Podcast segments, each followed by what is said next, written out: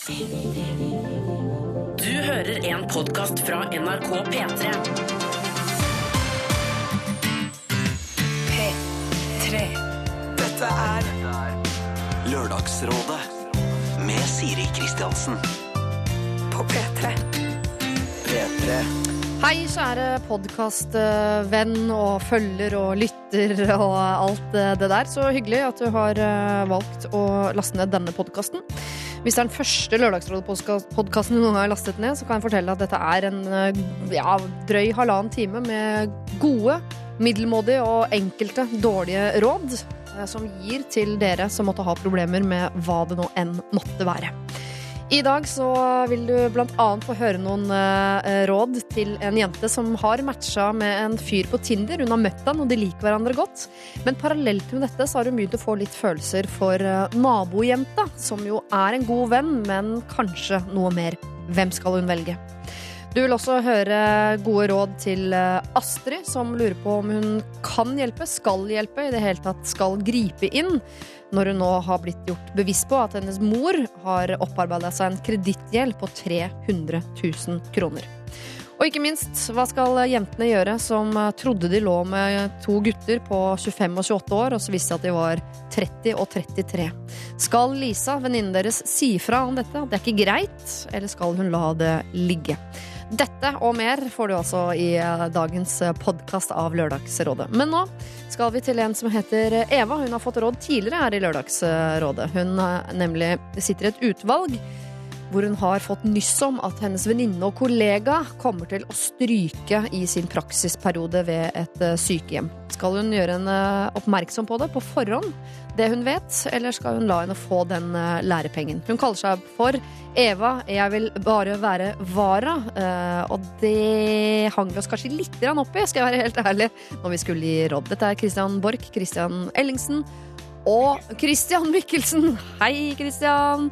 Og eh, Tone Damli. Og ikke noen flere som skal gi råd. Og så får du vite hvordan det gikk. Lørdagsrådet. På P3. Det høres ut som et svensk visdomsord. Ja. Jeg vil bare være vara. Jeg vill bara vara. vara Jeg vil bare bara vara vara.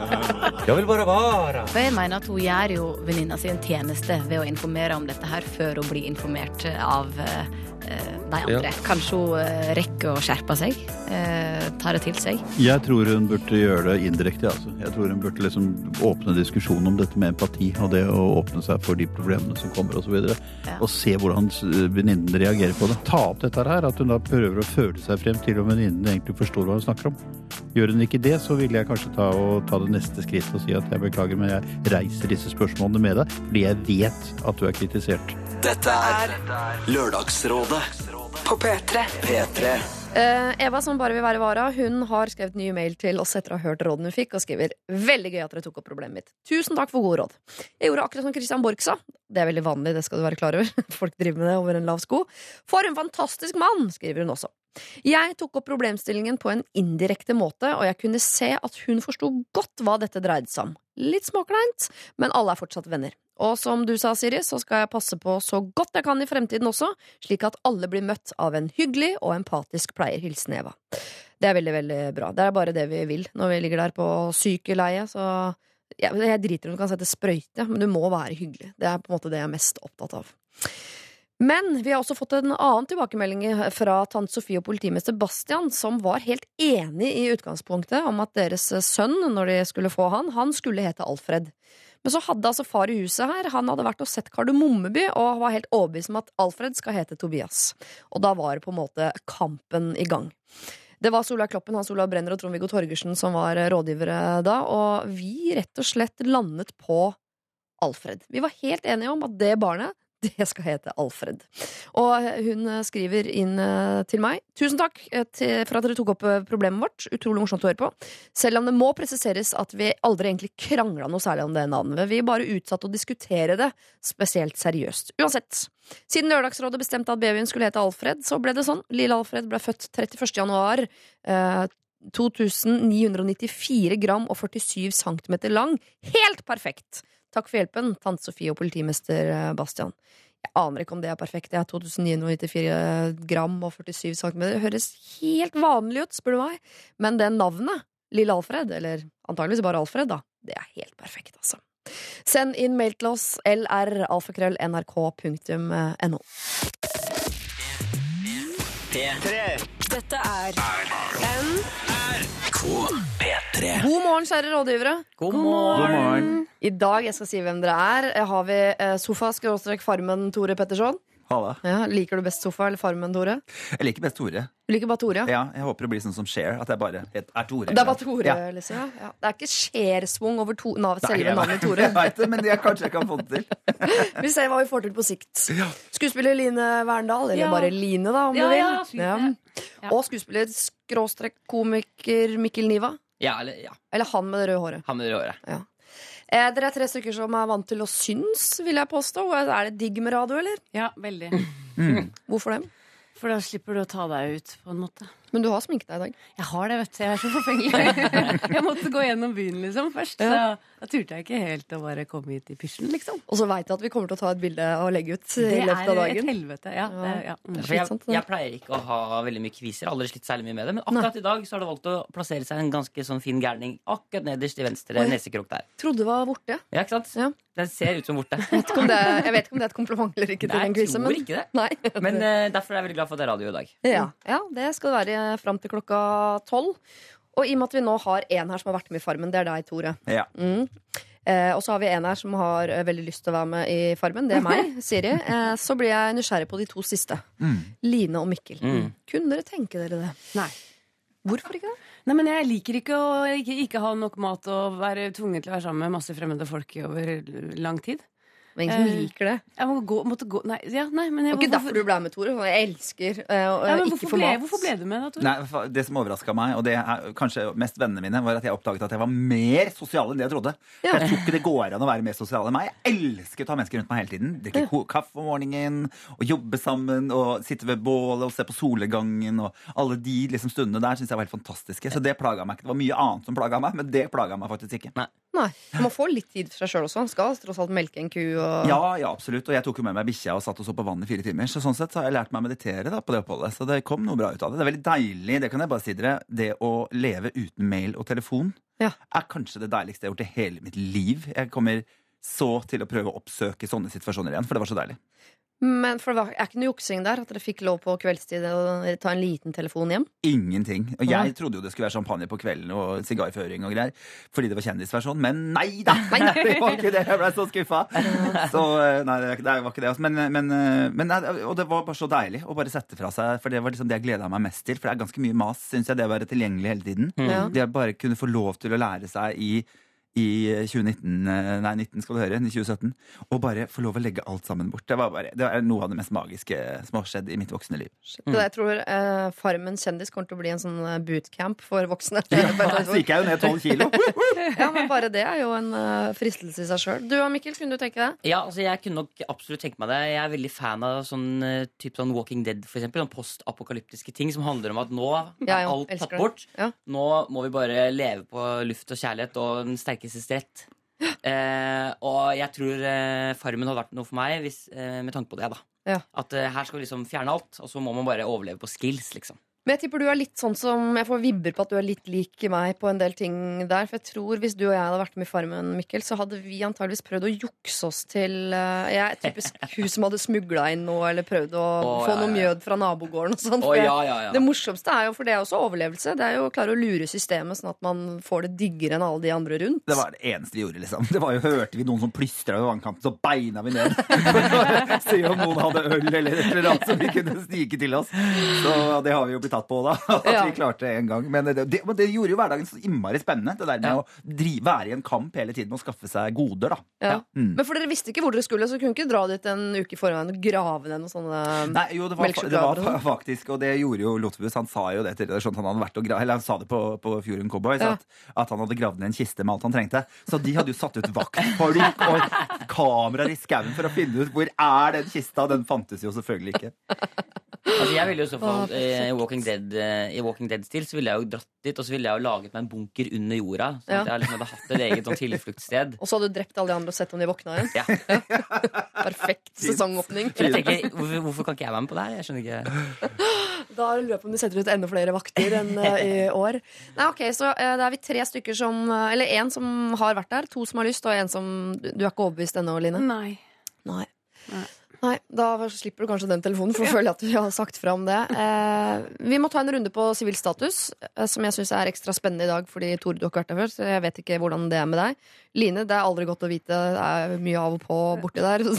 Hvor du er nå, det, det er jeg spent på. Ja.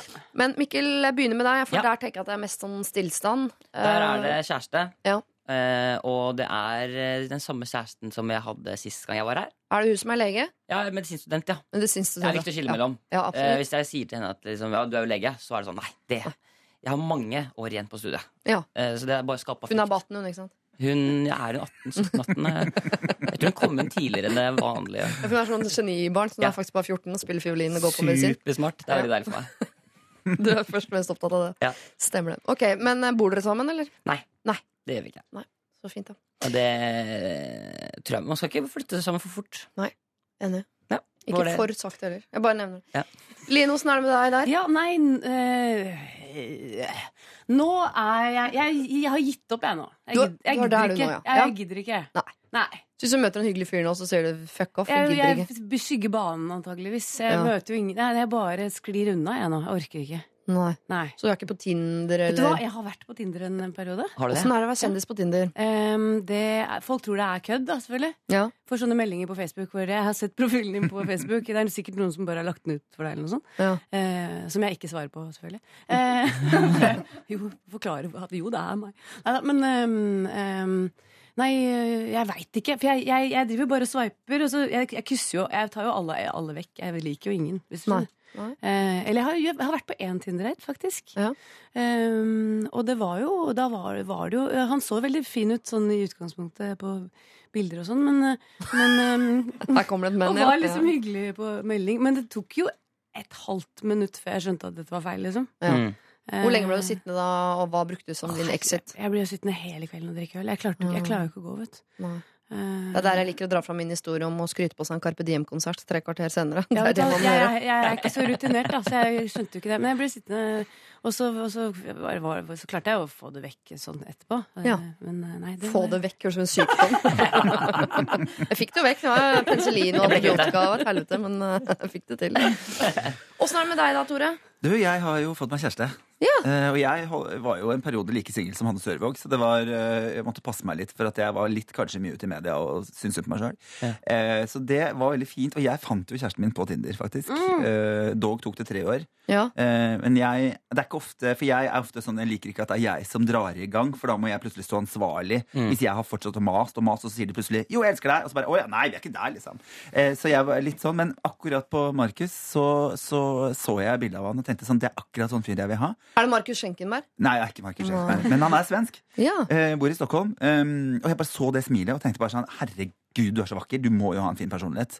Eh, og så Alt det samme svarer du svaret. Men var han, var han mye lavere enn han så ut på bildene? Ja, og jeg liker jo litt lave gutter, så egentlig var det veldig greit. at Han ikke var så høy. Han så ikke veldig høy ut heller. Eh, men vi begynte å snakke rett før Farmen, og det var jo litt gøy, fordi eh, jeg sa bare jeg skal være med på hemmelig TV-program. Eh, sikkert tilbake om en uke eller to. Ja. Så det gikk to uker, så sendte han meg melding, og så svarte jo ikke jeg. Nei. Så på en måned. Jeg var jo der seks uker, så han trodde jo han var ditcha. Og jeg tenkte at nå er jo han nygift og sikkert funnet mannen i sitt liv. Så jeg kom ut, første jeg sendte melding til når jeg kom ut, det var han. Og bare 'Jeg er her, jeg er her, jeg er her'. Eh, Så hadde vi en date, og nå har vi akkurat vært sammen i, to, i et halvt år. Så det er, jeg er kjempeforelska. Det er utrolig fint. Men avstandsforholdet? Ja, det er, ja, det er jo dritt, men, eh, men han, eh, han er flink til å komme hit. Nå skal jeg snart være en uke hos han, så vi får det jo til. Hvis man er glad i hverandre, så får man til hva som helst. Og hvis man på en måte tenker at dette synes jeg blir veldig vanskelig, så er det kanskje ikke så forelska likevel. Nei. Ta med deg den tanken videre. Jeg Jeg tipper at problemstillingen dukker opp her i Lørdagsrådet. Ellers nå blir den sendt inn nå i dette øyeblikk. Eh, bruk mail. lralfakrøll.nrk.no hvis du vil ha sånne råd fra Tore, eller hva som helst fra hvem som helst.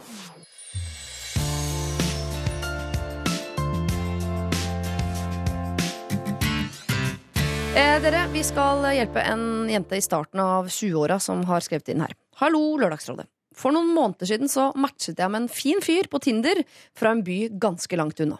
Vi snakket mye og lenge sammen, men klarte ikke å finne tid eller mot til å møtes eh, før nå denne uken. Vi møttes, snakket lenge, stemninga var god. Han virket å ha alt det jeg ser etter. Han er kjekk, han er snill, omtenksom, jevnaldrende, eh, stabil økonomi, og alt er på stell.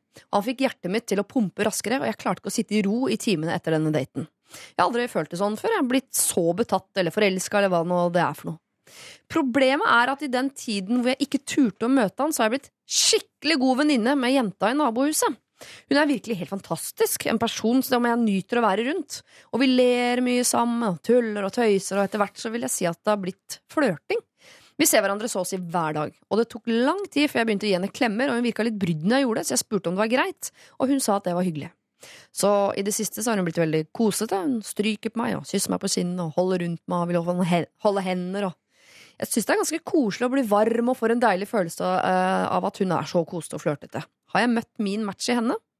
Jeg føler det nesten som om vi er i et forhold, og jeg føler det jo eh, ikke sånn med min Tinder-match. Det er ikke slik at eh, hjertet mitt dundrer eller at jeg blir svett i hendene. Men det føles allikevel som noe dypt og viktig i livet mitt, og jeg er redd for å miste det. Hadde hun vært mann, så hadde kanskje valget vært enkelt. Så skal jeg fortsette å date Tinder-trønder-drømmetypen, eller skal jeg prøve å utforske mitt koste venninneforhold eh, med the girl next door, og se om det kan utvikle seg til noe mer enn bare vennskapelige nuss? Veldig rart å plutselig føle seg forelska, eller iallfall betatt, av to personer samtidig, når jeg tidligere aldri har fått noen følelser for noen. Hilsen Marita. Hva skal han gå for? Tinder-drømme-trønder-typen, eller uh, the girl next door? Begge deler. Begge deler. Ja. Sa hun som ikke vil ha noe. Gitt opp helt, hører jeg. Ja, men Kan hun ikke liksom forfølge begges, begge løypene litt bitte grann lenger før hun bestemmer seg? da? Det er lov, det? Hun har jo ikke lovet noen noen ting. Nei Hun Nei. skal ikke gifte seg med dem i morgen, liksom. Nei. Men altså, jeg må jo ærlig innrømme at jeg syns jo den historien med, med hun venninna høres ut som en altså, når de, når de hvis, La oss si de skal gifte seg. Ja. Den talen høres bedre ut enn den andre. Skjønner du hva jeg mener? Ja. Den der Hvordan de møttes, og det høres mer ut som at det er en ekte, liksom, ekte kjærlighet. Det begynte som vennskap, litt tilfeldige greier, og så bare kunne de ikke slutte å henge sammen, og til slutt så bare blei de sammen. Ja. Ehm, så jeg har mer trua på det, på en måte. Det er fine den derre 'Nei, logga meg på Tinder, da. Det var en jævla fin dame', altså. så Ja. Eller hva sier du, Tore? Ja, altså, jeg er jo evig romantiker, jeg, da. Jeg tenker jo at eh, det at hun forelsker seg i nabojenta, kan jo også være at hun savner nærhet. eh, og har lyst til å ha noen å holde rundt. Og eh, har truffet da noen som bor et stykke unna, som hun ikke har muligheten til å holde rundt og kjenne rundt. Eh, og, og på en måte få, få tid til å forelske seg. sånn at det som nok har skjedd, er at hun er inne i en sånn forelskelsesboble hvor man er forelsket i forelskelsen. Ja. Eh, og da er på en måte den nærheten du kan få, få veldig fin. Jeg også er litt enig med Lina om at, at eh, ikke forhast noen ting, fordi begge to kan bli veldig fine, fine eh, slutt, ja, Det kan ende, veldig godt, da. Ehm, men det er klart at det er veldig dumt hvis man plutselig oppdager at man har angret. Så jeg ville holdt det helt sånn cleant. eh, ikke noe ligging på noen av stedene. Og kjent liksom sakte, men sikkert. Det kan jo hende at nabovenninna di eh, bare syns at du er en god venninne. Jeg har jo masse venninner som ligger oppå hverandre og koser og omtrent kliner, liksom. Men de er streite begge to. Sånn at, eh, sånn at det kan være en sånn venninnegreie, kanskje. Men jeg tror nok det er behovet for å for å føle seg ønsket og elsket og, og tatt på, da, som man har behov for, som kan gjøre at du burde ta litt grann tid til for å se Nå gikk det jo tre år før jeg, fra jeg møtte min på Tinder, til vi faktisk fikk datet og ble forelsket i hverandre. Um, så det å på en måte la ting få lov å gå seg til litt Folk er litt sånn at de skal ha ting med en gang. De vil ha det nå. Det må skje fort.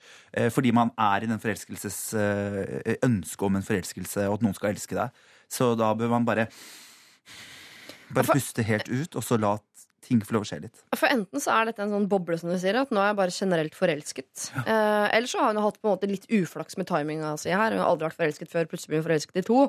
Og på toppen av den ene, eh, alt så er den ene langt unna, og den andre er eh, rett ved siden av, men av samme stund. Og det var du ikke klar over sjøl Mm. engang at du kunne falle for. Men det er det er mye som skjer på en gang. Det er veldig typisk den der greia med å få uh, Når noe skjer som er skummelt. Altså den der greia med at her er det en avstand. Da gjør hjernen eh, Det er så rart med hundene våre, at da gjør den sånne rare ting som gjør at vi kan stikke av. ikke sant? Jeg har et par venner som bare forelsker seg i folk som er på ferie fra Australia, f.eks. Og så er de så forelska og bare sånn Ja, men dette kunne blitt mannen i mitt liv. Og så bare Nei, det kunne ikke det, fordi at hvis han hadde flytta hit, så hadde du vært helt off med en gang. ikke sant? For de liker den der avstandstingen, da. Ja, kanskje det er det at Marita liker han der trønderen litt ekstra godt, for hun veit at han er i Trøndelag. Så hun Mm. trenger ikke å forholde seg så innmari til han. Verre med hun som bor rett ved siden av. Men hvem jeg bare tenker at det er eh, overfor han i Trøndelag så er det ikke så ufair. De har møtt hverandre på Tinder, og der er vi vel ganske enige med at det er ingen der som skal gifte seg dagen etter. Folk er ute på søken. Mm. Så hvis det her er på en måte For Marita lurer på sånn, er det slemt mot noen å kjøre dobbelt her, så er det jo mer slemt mot hun venninna next door. Ja, det høres ut som det er hun som kommer til å komme verst ut av det. Men vet vi det, da? Vet vi intensjonene til hun venninna next door? Jeg fikk ikke noe inntrykk av det i forhold til den mailen. Jeg følte at hun bare hadde blitt mer og mer koste. Jeg syns alle venninner gjør det. Ville kanskje Ja. funnet ut av det først, om det bare er et venninneforhold. For da er jo det et venninneforhold for livet. Ja. noe man blir så trygg på og kan tørre å være så tett innpå. Og ikke kanskje ødelegge noe med å si for mye greier. Finne ut av det først. For det høres jo litt forelskelsesaktig ut med gjør hun jenta ved siden av, men skal man spørre om det, da, eller? Ja, det er, høres jo ut som det kunne være en idé å bare liksom ymte frampå at det er greit å finne ut litt hva det her er for noe, kanskje. Ja. Kan hun ikke fortelle at hun har møtt en fyr på Tinder? da? Og se hvordan hun reagerer? Ja. Ja, kanskje ikke det er så dumt. Hun kan jo det. For, tyr jo jeg er ofte til alkohol, jeg, da. Så Ja. jeg ville jo drukket meg full med den nabojenta. Så jeg funnet Så det er jeg helt enig i. Ja. Det funker alltid, det. Man blir litt tøffere da. Og så er Men det noe ligger at man ikke når bare du sammen da, sier liksom? ting i fylla, så blir det ikke så seriøst. For jo, jo, men du hadde jo drukket. Eller jo, jo, men jeg var jo full. Sånn at det å si ting når du er litt sånn tipsy, det anbefaler jeg, da. Men det er Men jo de er to jenter i starten av 20-åra som er sammen hver dag. Sjansen for Ja. at de har drukket alkohol sammen, er vel til stede. Så det vil jeg tro at de allerede har øh, gjort. Men øh, Altså, det, bare, det høres Det er bare det høres liksom Jeg vet ikke om det liksom er skrevet, men det høres ut som at den historien med den jenta er noe som overrasker henne veldig positivt. Ja. Og noe som eh, Hun klarer ikke å legge det fra seg. Mens den Tinder-greia er bare Ja, det er en fyr som hun har møtt på Tinder, og som er bare en Tinder Det høres ikke ut som det er så viktig for henne. på en måte Nei, så er det veldig sånn en liste av Han er jevnaldrende, stabil økonomi, alt er på stell. Ja, det er veldig sånn Så- Hvis alt stemmer, så er det gærent. Gå for hun. For det høres, mer ut, ja, for det høres veldig ut som at det er liksom forventning fra alle andre om hva som er en bra fyr. Ja. At det er det hun har funnet. Om en øh, hjertepumpa og klarte ikke å sitte i ro, og så er det noen følelser der også. Ja. Jo, men det er ikke like mye. Sånn, hun, hun nevner med hun jenta så nevner hun sånn klemming, kyssing, nære ting som er mye mer sånn Men de mye har mer, fått mye mer tid sammen nå, da. Ja. Nå, nå gjør jeg meg vanskelig. Sier jo faktisk hvis han hadde vært eh, Eller hvis hun hadde vært en mann, kanskje valget hadde vært enkelt. Ja. Ja, da er det jo egentlig liksom? riktig. Da. Ja. Man må ikke Ja. la fordommene sine på en måte For det at hun er kvinne, kan jo være akkurat det som var det riktige for deg. på en måte Marita, livet skal ikke være enkelt. Det skal være en lang rekke av ubehageligheter. Og nå virker det som du står ganske godt planta opp i flere av de. Vi gir deg eh, green card eller hva jeg skal si, på å fortsette begge løp her. Hold det litt cleant. Eh, Prøv å finne ut av ting. Du kan jo nevne for nabojenta at du har møtt en fyr på Tinder. Se hvordan hun reagerer. Eh, Og husk at du har gitt nabojenta mer tid enn eh, Tinder-trønderen. Så prøv å finne ut av litt mer på begge sider før du eventuelt tar en avgjørelse. Du må ikke gjøre det i morgen, men på et eller annet tidspunkt. Kanskje rett før eller rett etter ligging.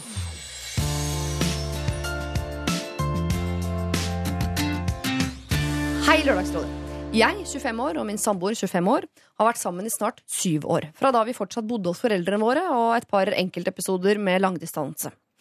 Vi hadde for halvannet års tid siden gleden av å flytte sammen, og forholdet har aldri vært bedre.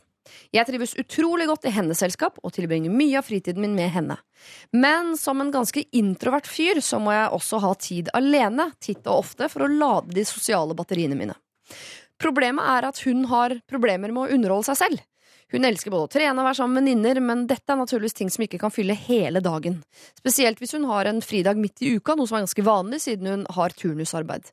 Så når jeg da kommer hjem fra jobb, så ønsker hun mitt selskap helt til vi går til sengs, noe som er flott enkle dager, men som ikke funker for meg hver dag, siden jeg blir mentalt utslitt og blir gradvis i verre og verre humør. Jeg har uttrykt at hun er nødt til å gå til anskaffelse av en eller gjerne flere hobbyer for å ha noe å gjøre på egen hånd av og til, siden jeg ikke klarer å slappe helt av uh, alene når jeg vet at hun sitter og kjeder seg. Hun ser ikke ut til å ha mange ideer til hva hun selv skal gjøre, og jeg kommer til kort med mine forslag ettersom eh, jeg har det vanskelig for å relatere meg til hennes situasjon. Hva gjør ekstroverte på fritida? Jeg har ikke anelse. Hilsen Carl. Det kan hende hun hører på, så be gentle. Det tenker vi alltid på her i Lørdagsrådet. Ja, her er det en introvert og en ekstrovert som har valgt å flytte sammen, og det er jo ikke helt uvanlig, det. Han trenger tida si, og hva skal han sysselsette henne med? Uff. Det der er jo veldig vanskelig For jeg har nok vært i en litt lignende situasjon selv. Ja. Og det er veldig vanskelig fordi det er jo litt sårt også. Det der med å bare Det der å Altså det er ikke det at hun bare er ekstrovert. Antagelig så er hun sikkert litt redd for å være aleine også.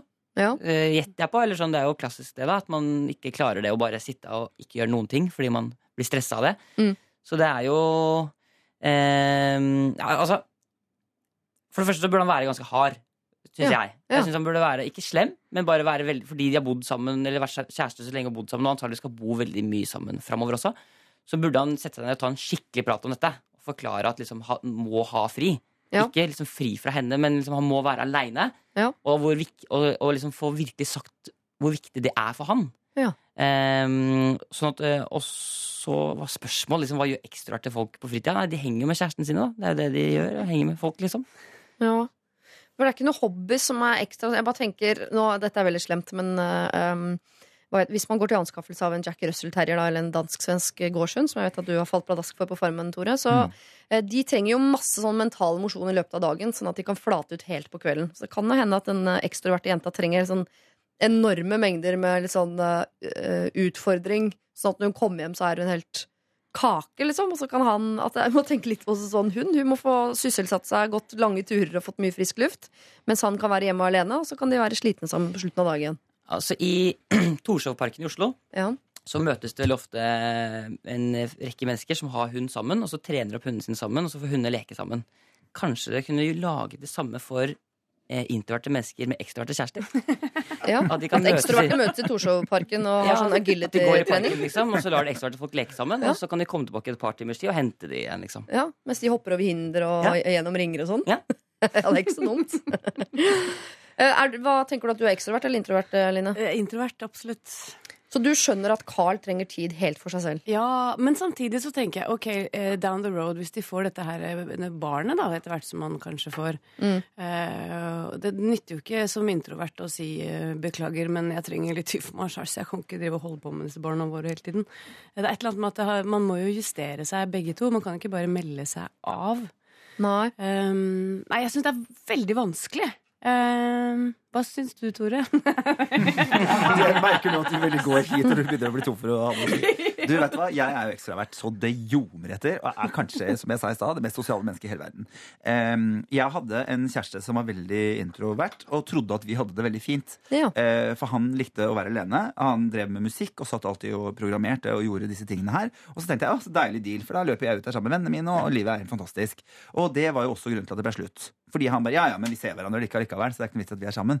Så bare, jo, men dette, jo, det er akkurat det du ønska der. Man skal være litt forsiktig med å ønske at kjæresten sin skal få så innmari mange hobbyer også, fordi at det kommer til et punkt hvor du plutselig har behov for å være sammen med noen hvor hun er på sport, Ja. eller har begynt på tangokurs med en kompis, eller eh, har begynt på håndball, ikke sant? Og alle de tingene her. Jeg tenker jo at eh, for det første så burde de finne en hobby sammen. Ja. Som begge syns er hyggelig. Eh, og, og at han er med henne ut og prøver å finne disse tingene. Jeg tror han kan få det veldig veldig morsomt eh, ved å prøve litt forskjellige ting. Han, eh, det er jo han som må tøye grensen her, siden det er han som er introvert. Ja. Eh, og, og ut og, og, forske litt. Og så kan hun fortsette med den hobbyen, mens han av og til kan være hjemme og si at akkurat i dag så trenger jeg, men stikk ut du. Bli med den gjengen du. Stikk på en ski med de, eller gå, spill sjakk med de, eller alle disse tingene. Sånn at man, men at det er en, en ting hun kan gjøre alene, men også de to sammen. da, Og bygge opp de tingene. For plutselig så, så sitter du der aleine og har ikke fått være med på all det moroa hun har gjort. Og da syns hun plutselig at du er kjedelig, og du føler deg ensom og tenker dette her er jo ikke noe, det er ikke noe igjen i det her, da. Ja, for det er litt uh, rar ende å angripe dette problemet i, Carl. At du, uh, at du liksom tar en runde på hva hun skal gjøre, sånn at du skal få, uh, få det sånn som du vil ha det. Jeg tenker at du heller burde tenke hva du skal gjøre. Kanskje er du som skal skaffe deg en hobby. Jeg vet at det ikke er så mange sånn klassiske introvert-hobbyer, men eller skaff deg et rom et eller annet sted, eller skaff deg en eller annen mulighet til å finne den roa du trenger, som ikke handler om hva hun gjør. Altså, Sitte på kafé, høre på musikk, ta på øreklokker eksempel, og sitte med Mac-en og bare jobbe, skrive, Zoome ut, liksom. Er ikke derfor gutta begynner å ting. fiske og sånn? Og dra på jakt og sånn? Ja, Er ikke det det, det, handler om, Så jeg, tror egentlig? det er han som, jeg mener det er han som trenger en hobby. Ja. Hun Mm. kommer til å finne på noe når du går, men det er klart hun trenger en bekreftelse av at du er glad i henne, siden hun ønsker å være oppå deg hele tida. Så hvis du bekrefter henne, spander en spakveld eksempel, på hun og venninnene. Si nå skal dere ned på hotellet i nærheten. Skal dere få en full kveld, skal dere bare få lov til å kose dere, dere. Og så kan du ha guttekveld hjemme aleine. Men du, det, jeg tror han må gjøre litt med greier her. Altså. Men Det er ikke ikke så altså, problem. Men de skal jo, altså, la oss si de skal sammen resten av livet, da. Ja. Så må han liksom fiske hver uke da, resten av livet for å få litt fri, liksom. Nei, men Sende det jenter på spa en gang i uka resten av livet. Man får forbrukslån, og det blir et eh, mareritt. Høres ut som en god løsning. Ja, nei, men jeg tenker eh, Carl, du spør eh, hva gjør ekstroverte på fritiden. Eh, de er sammen med folk, på en måte. Du kan ikke tvinge dama di til å, å gå ut og være sammen med folk hele tiden. Så hvis du er tydelig på at du trenger tid for deg selv, men hun fortsatt liksom bare er der, så tenker jeg at du må snu på problemstillinga. Du uh, må tenke på hva er det jeg kan gjøre på min fritid som gjør at jeg får den roa jeg trenger for å lade mine batterier. Når du bare sitter der i sofaen, så er det vanskelig for en ekstrovert å skjønne at det er noe du vil gjøre alene. Det er helt uforståelig for eh, de på utsiden. Så snu problemet, du. Se på om det er noe du kan gjøre eh, for å få den tiden du trenger.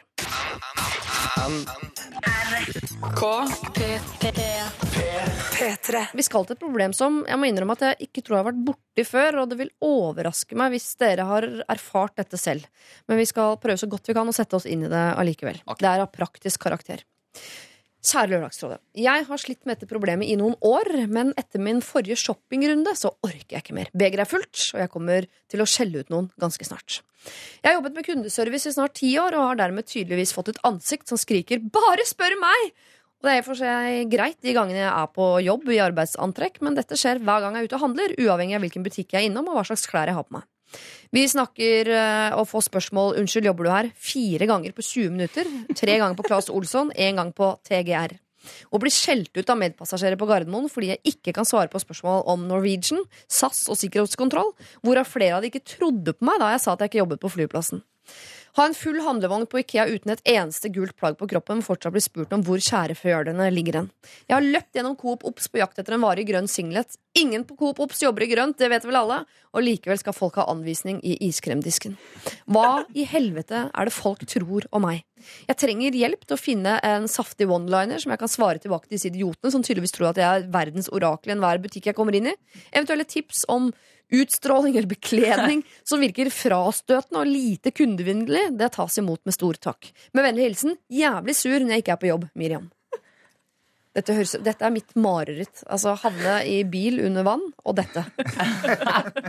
det, eh, men dette er ikke et problem jeg har, så jeg har tydeligvis funnet en utstråling og bekledning som virker frastøtende og lite kundevennlig på folk. Men jeg er så spent på hvordan er det hun ser ut? Hvordan ser man ut da, når folk tenker at hun jobber her? Altså, har veldig åpne trekk, tenker jeg. Litt sånn åpne, Åpne øyne, Ja, alltid sånn smil. ja, som ser liksom glad og innbydende ut. Ansiktet sier liksom bare hei. Er man imøtekommende, da? Ser man på folk, eller? Jeg vet, altså, eller? Smilende slapp-av-tryne. Altså, Ja. Noen har jo bitchface eh, når de slapper av, på en måte. Jeg Ja. tror det er jo alltid en fordel. Eh, at, man, eh, at man prøver ikke smile. Fordi da eh, For så vidt så kan man jo tro at man jobber der og kommer an på hvor man er igjen.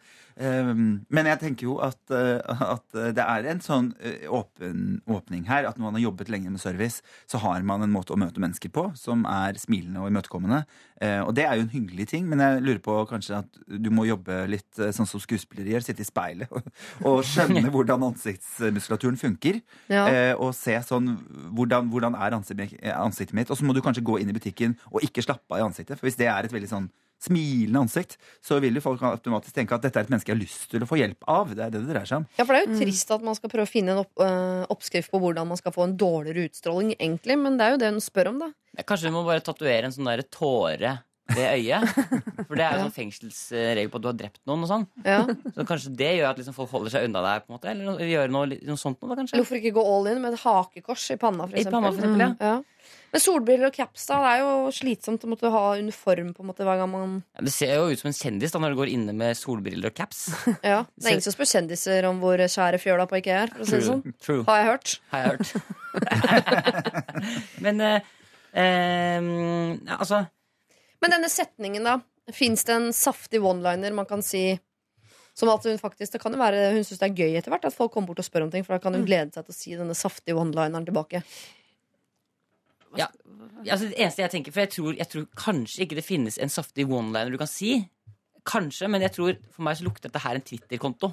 Eller noen oh, ja. sosiale medier. Et eller annet du kan bruke det til. At du kan hele tiden Jeg hadde kost meg maks med å følge en Twitter-konto som hele tiden fortalte meg hver gang hun ble spurt om et eller annet innenfor serviceyrket. Sånn I dag var det bananer på Coop Rix. Hva, Yes, i dag var det det, liksom. Og Ja. at man liksom kanskje kan lage noe Tjene noe penger på dette her. Kan du ikke begynne å gi råd i hytt og pine som bare er helt feil? Er ikke det veldig gøy? Jo, det er veldig Jeg har hatt det sånn når jeg har vært i New York. For jeg bare, hvis det kommer folk bort og spør etter veien, så syns jeg det er så stas at de tror at jeg bor der. At jeg liksom begynner å veive og Well, you have to go down that road. And then, så er det bare tull, bare fordi jeg har lyst til å være liksom, hun som bor i New York. Jo, men kanskje hvis man snur Det er jo litt sånn eh, Det er jo uh, konseptet bak bullshit-bingo, hvis dere kjenner til det. Hvis man er veldig veldig lei av å være på seminar, så lager man seg et ark med sånn typiske seminar- og foredragsord. Og så krysser man av hver gang de ordene blir sagt, og så er det om å gjøre for bullshit-bingo først.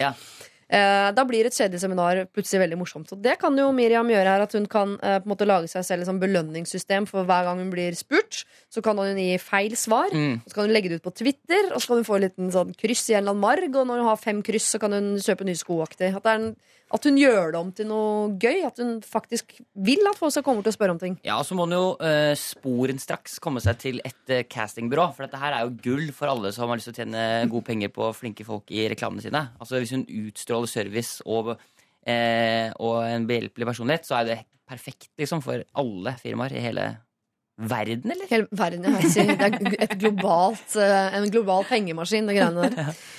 Miriam, du blir ikke kvitt det. Altså, man vil jo ikke ha dårligere utstråling. Du er begavet med en god eh, utstråling. Det må du bare bevare. Men gjør det om til et spill som er gøy for deg. Noe du kanskje kan tjene penger på, eller i hvert fall ha det veldig morsomt med underveis. Lørdagsrådet med Siri Kristiansen. På P3. Jeg hadde glemt at det var 1975 som også hadde denne She's American-låta. Eh, Det ble jeg veldig glad for å høre. Jeg har vært så eh, veldig veldig betatt av den forrige låta deres nå, så jeg har helt glemt denne. Den var fin, den. She's American. She's American. She's American. Jeg vet ikke hvem de synger om, men en eller annen amerikaner, da. Ja. Kanskje det er deg, Lina. At Ja, jeg møtte deg i New York på Ja, gata ja, og tenkte at det var deg. right there, and then you have to go to left. Yeah. It was the wrong place. She was like beautiful but really stupid. But one thing for sure, she was American. yes. Yeah, ja, ja. Ok, dere. Jeg eh, skal si fra om en ting til deg som hører på eh, Lørdagsrådet i dag. Og det er en eh, gledelig nyhet til dere som er venner av dette programmet. Nemlig at Lørdagsrådet skal karre seg ned på Rockefeller i Oslo 22. mars. Der skal vi ha et show som skal vare i altså timevis! Jeg har ikke satt noe tid på det ennå, men skal vare en stund, da. Eh, skal ha vanlig lørdagsråd. Skal ta med eh, noen av de beste rådgiverne vi har, eh, og gi råd til problemer som eh, de som er i salen, har. Eh, Så du kan få lov til å være i salen hvis du allerede nå sender inn et problem som tenker sånn Deg vil vi hjelpe. Da må du sende inn til lralfakrøll.nrk.no og merke altså mailen med eh, Rockefeller, sånn at vi vet at du eh, vil ta opp dette her på Rockefeller og få hjelp. I tillegg til at du får hjelp av rådgiverne, altså gode råd, så skal du, Mikkel, Mm. eh, og to andre improvisatører fra det andre teatret komme og eh, vise fram, eller spille ut, problemene, rådene eller andre ting som måtte dukke opp underveis. Ja, vi har jo, vi har jo, rett eh, vi har jo spilt en forestilling nå sammen noen ganger som har funka veldig bra. Ja. Som er, for det ligger så mye bra materia- materiale i disse problemene. Ja. Så vi er jo da tre improvisatører som lager scener og historier basert på det vi hører. da Ja. Eh, Men det må ikke være at vi liksom løser problemet. Det kan også bare være at hvis problemet er om veldig sjelden dere gjør. ja, det, Som oftest så dreper dere noen eller ligger med hverandre i løpet av det stemmer. Det stemmer. Og det skal vi gjøre bare på Rockefeller. på Rockefeller. Vi skal gjøre det grand for Rockefeller. Eh, billettsalget er eh, i gang, men du kan jo også da karre til deg noen gratisbilletter hvis du sender inn et problem som vi tenker at vi har lyst til å prøve å løse på, eh, på Rockefeller 22. mars. Eh, du må komme deg til Oslo sjøl, og du må være over 18 år. Du må ikke finne på å si dette problemet til noen eh, fra det andre teatret, for de skal ikke vite noen ting på forhånd. Nei. De skal kun altså bruke hjernen der og da. Ja. LRalfakrøll.nrk.no er eh, mailadressen du bruker uansett om du vil sende inn til Rockefeller, eller om du bare vil ha eh, problemet ditt løst her på lufta i dag, eller en annen lørdag vi måtte sitte her og ha vanlig lørdagsråd. Dette er Dette Er P3. Tore, Line og Mikkel treff Kristin. Hun har sendt inn et problem på vegne av en kompis som heter Svein. Eller han heter ikke det, men hun kaller han for det i dag. Ja. Jeg har en veldig god kompis, Svein, som aldri husker moren sin bursdag.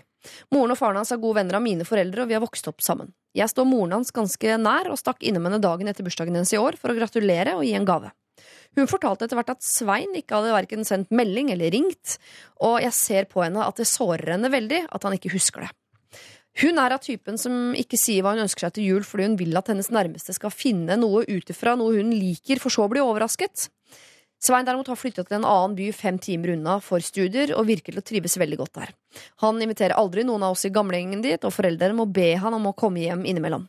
Det virker som om han vil bli i den byen, og at han forsøker å ha så lite som mulig med oss å gjøre. Folk vokser jo fra hverandre, og det er helt greit, men jeg skulle virkelig ønske at han husket moren sin bursdag, for jeg er veldig glad i henne også, og jeg vet at det gjør vondt når hennes egen sønn ikke tenker på henne. Jeg har sagt ifra til han før at han burde huske på det, men det hjelper altså ikke. Så hva kan jeg gjøre? Skal jeg og moren hans bare akseptere at dette er en fyr som ikke husker datoer, eller skal jeg forsøke en gang til å si at han burde prøve litt hardere? Om han vil eh, begynne på nytt og fade ut av livet mitt, så må det være greit, men svikte sin egen mor er vel ikke nødvendig. Kristin. Her er jo litt sur på egne vegne, men også sur på vegne av denne moren som eh, år etter år blir lei seg når eh, lille Svein aldri sier gratulerer med dagen. Mm. Det er ikke Kristin sitt ansvar, men er det noe hun kan gjøre? Hva tenker du, Line? Som mor, Eh, blir du lei deg der borte? Ja, nei, jeg syns det der var veldig vanskelig. Men det jeg umiddelbart tenker, sånn, er det noe man kan gjøre sånn at ikke han bare, at, at moren ikke bare blir en sånn klamp om foten på hans veien da. For, eh, at, kan hun reise Kan hun liksom ta seg tur til han, interessere seg for hans liv? Uh, Istedenfor at man bare sitter og er sånn lei seg og sur, og han føler hele tiden at han er nødt til å liksom Dårlig samvittighet som henger over. For det er et eller annet med at man kan jo ikke tvinge folk til å til å være Kan man det? Til å liksom være oppmerksom på For det er ikke sikkert at han har noe nært forhold til mora si. Jeg vet da søren. Nei. Kan, en, kan moren gjøre en innsats, da? Eller venninna, liksom? Kan de være på plussida i forhold til han, istedenfor å være på minussida, liksom? Det er veldig typisk, det er litt rart. Når skjer det der at det er foreldre som skal være veldig opptatt av barna, så plutselig over natta så skal det snu, og så er det barna som skal være opptatt av foreldrene. Og det har ikke, vi barna har ikke fått beskjed om det. på noen måte. Det skal vi bare skjønne av oss selv. Og da sitter jo mammaen til Svein da, og er lei seg et eller annet sted. hvis Svein ikke har skjønt den overgangen. Altså, jeg er veldig dårlig på å huske bursdagen til både moren min og alle andre søsknene mine. og alt sammen Jeg er kjempedårlig på det. Ja. Eh, men det betyr ikke at jeg ikke er noe min... Altså, jeg er ikke, det betyr ikke at jeg mm, En gang til. Det betyr ikke at jeg er glad i dem. Jeg stokker munnen min, jeg. Tjekka, tjekka. Det betyr ikke at jeg ikke er glad i dem eh, av den grunn. Altså, jeg er kjempeglad i familien min, og jeg syns de er helt topp. Men de bor langt unna meg. De bor i Lofoten. eh, og jeg lever mitt eget liv her i denne byen. Og da er det vel lett for at jeg liksom må fokusere på meg selv, og liksom, det er det som gjelder nå. Og det at han ikke han husker bursdagen hennes, betyr ikke at han ikke liker henne, og det betyr ikke at han har glemt henne. Og kanskje han blir bedre på det etter hvert. Ja. Nå snakker jeg litt om meg selv også, for det er sånn ja, jeg har det det. gjør man alltid. Vi gir jo råd ikke ut ifra eh, CV-en, vi gir det ut ifra hvordan vi er som mennesker. Og så syns jeg at eh, det er viktigere at moren husker hans bursdag enn omvendt. Jeg Ja, det er jeg helt enig i. Ja. Men det er jo litt sårt det der, for man tenker jo sånn Åh, nå har jeg vært så god mor i så mange år at uh, han kommer til å være sånn Ikke evig takknemlige, men at eh, man vil jo ha tilbake. Det er jo den evige sorgen som eh, mor. At, eh, at man aldri får den kjærligheten tilbake som man Ja, hele det tiden gir. gir. må man bare drite i, må man ikke det? Man får ikke det. Nei, man får ikke det. Men eh, skal vi bare la det ligge, da, eller? Jeg tenker jo for min egen del, da. Jeg har jo en kompis som jeg aldri husker å ha bursdagen til. Fordi jeg tror han har bursdag slutten av februar, og så har han i begynnelsen. Ja. Eh, Så ringer han alltid sånn 'Hei, du, jeg skal ut og spise med noen venner i dag. Koselig om du blir med.' Så jeg 'Sorry, jeg jobber, jeg er så sliten, jeg skal legge meg', liksom. Og så går det to dager, og så oppdager jeg at det var bursdagen hans. Eh, og, men han har jo på en måte skjønt at jeg er like glad i han for det. Eh, Ja. Og jeg er også forferdelig dårlig på det. Men jeg vet jo også med meg selv at hvis jeg har en kompis eh, som er dårlig på det, så sender jeg en melding den dagen bursdagen er. For alle sitter ikke på Facebook 24 timer i døgnet. Og jeg har ganske mange Facebook-venner, sånn at jeg får ikke opp alle bursdagene. Og det er litt det samme som å huske navn. Jeg er forferdelig dårlig på å huske navn. Jeg blir veldig imponert over de som er gode på å huske navn. Fordi jeg introduserer meg, og så aner jeg ikke jeg hilser på ti mennesker, jeg vet ikke hva noen av de heter. Eh, og det betyr jo ikke at jeg er selvopptatt eller kjip. Eh, men det er bare noen mennesker som er gode på det, noen er ikke det. da Så det at hun kan sende en melding til han og si 'husk at moren din har bursdag i dag', syns jeg er en venninneting å gjøre. Jeg ville gjort det for mine venner, og da syns jeg hun også kan gjøre det Sender for du han. melding til vennene dine og sier 'hei, jeg har bursdag i dag', og så må Nei. de svare gratulerer med dagen? jeg, ma- jeg maser så fælt uansett. Jeg, så det er, ingen som har gått glipp av at jeg har bursdag i dag, for jeg er så glad i det. Nei, men at venninnen kan si 'mammaen din har bursdag i dag', har du husket å sende henne en melding? Ja, Kristin kan ha det som sånn årlig Jeg syns jo det er en fin ting, for det er klart at Jeg vet ikke hvor gammel han her eh, er, da, men hvis han har kommet til et nytt sted, så er det ganske ganske mye energi som brukes i å få seg et nytt miljø, for eksempel. Ja. Eh, Jeg flytta jo til Oslo som homo, så jeg hadde jo masse hemmeligheter. Men skal ikke jeg legge noen greier på Svein her som ikke kanskje Men det høres jo kanskje ut som han eh, har et eller annet greier han holder på med. Eh, Men, men det der med å ha, ha fått lov til å, å få det nye miljøet sitt der hvor han er, for da har man ikke tid til alle de andre. Men det betyr jo ikke at de gamle vennene ikke betyr mer. Men hvis du skal bo et sted og bruke masse energi på det som er der hvor du pleide å være, da kommer du aldri inn i det miljøet og får gjort uh, får de vennene og får de uh, greia der hvor du, der hvor du har Men- kommet til. Da. Tenk hvis Svein driver og prøver å fade ut Kristin, da. Sorry, Kristin, jeg vet du hører på. deg. Kanskje han prøver å fade ut, og så skal du drive og sende melding en gang i året og minne han på at mora hans har bursdag. Ja, og det er uavhengig uavhengig om de er eh, tette eller ikke, så hadde jeg blitt gæren hvis folk skulle drive og minne meg på at eh, jeg må huske bursdagen. Det, er- det er på en måte litt som å si sånn Du er litt dårlig menneske, så Mm. her kommer en påminnelse om det. At du, du, er nødt til å, du må nødt til å sende melding til mora di. Mm. Så jeg tror for meg så tror jeg nok jeg heller ville, eh, hvis jeg hadde vært Kristin, så ville jeg i så fall sagt det til Svein at Svein, eh, jeg har en oppfattelse av at moren din syns det er litt kjipt at du ikke husker bursdagen hennes. Mm. Så kan du ikke i hvert fall si til henne eh, at du er glad i henne, og at det kan godt være at du glemmer bursdagen noen ganger, og sånn er det, men det betyr ikke at du ikke liker moren din, eller altså at du bare anerkjenner det, liksom. Ja. Og så syns jeg det er noe veldig fint i det du sa, Line, innledningsvis også, at det er, handler vel mer om at uh, det er viktigere at moren husker han, enn at han husker moren. At uh, kanskje hun skal gi han mer oppmerksomhet. Reise dit hvor han er. Ja. Være litt opptatt av hva han driver med. Eller invitere han hjem. 'Jeg skal feire bursdagen min lørdag. Da har du, kan du komme hjem? Vi kan hjelpe deg med flybillett hvis det trengs.' Eller at man er litt på pluss istedenfor bare å sitte og være sånn stille og sur. Men husk at Zain også må få lov til å leve sitt eget liv. Ja. Jeg, jeg, bare 50 merker, jeg merker jeg blir litt sliten av tanken på at moren skal si sånn 'Jeg kommer og besøker deg! Jeg har bursdag, kommer du ikke hit?' Altså, det de, må være sånn at Svein får lov til å si det litt sjæl, altså.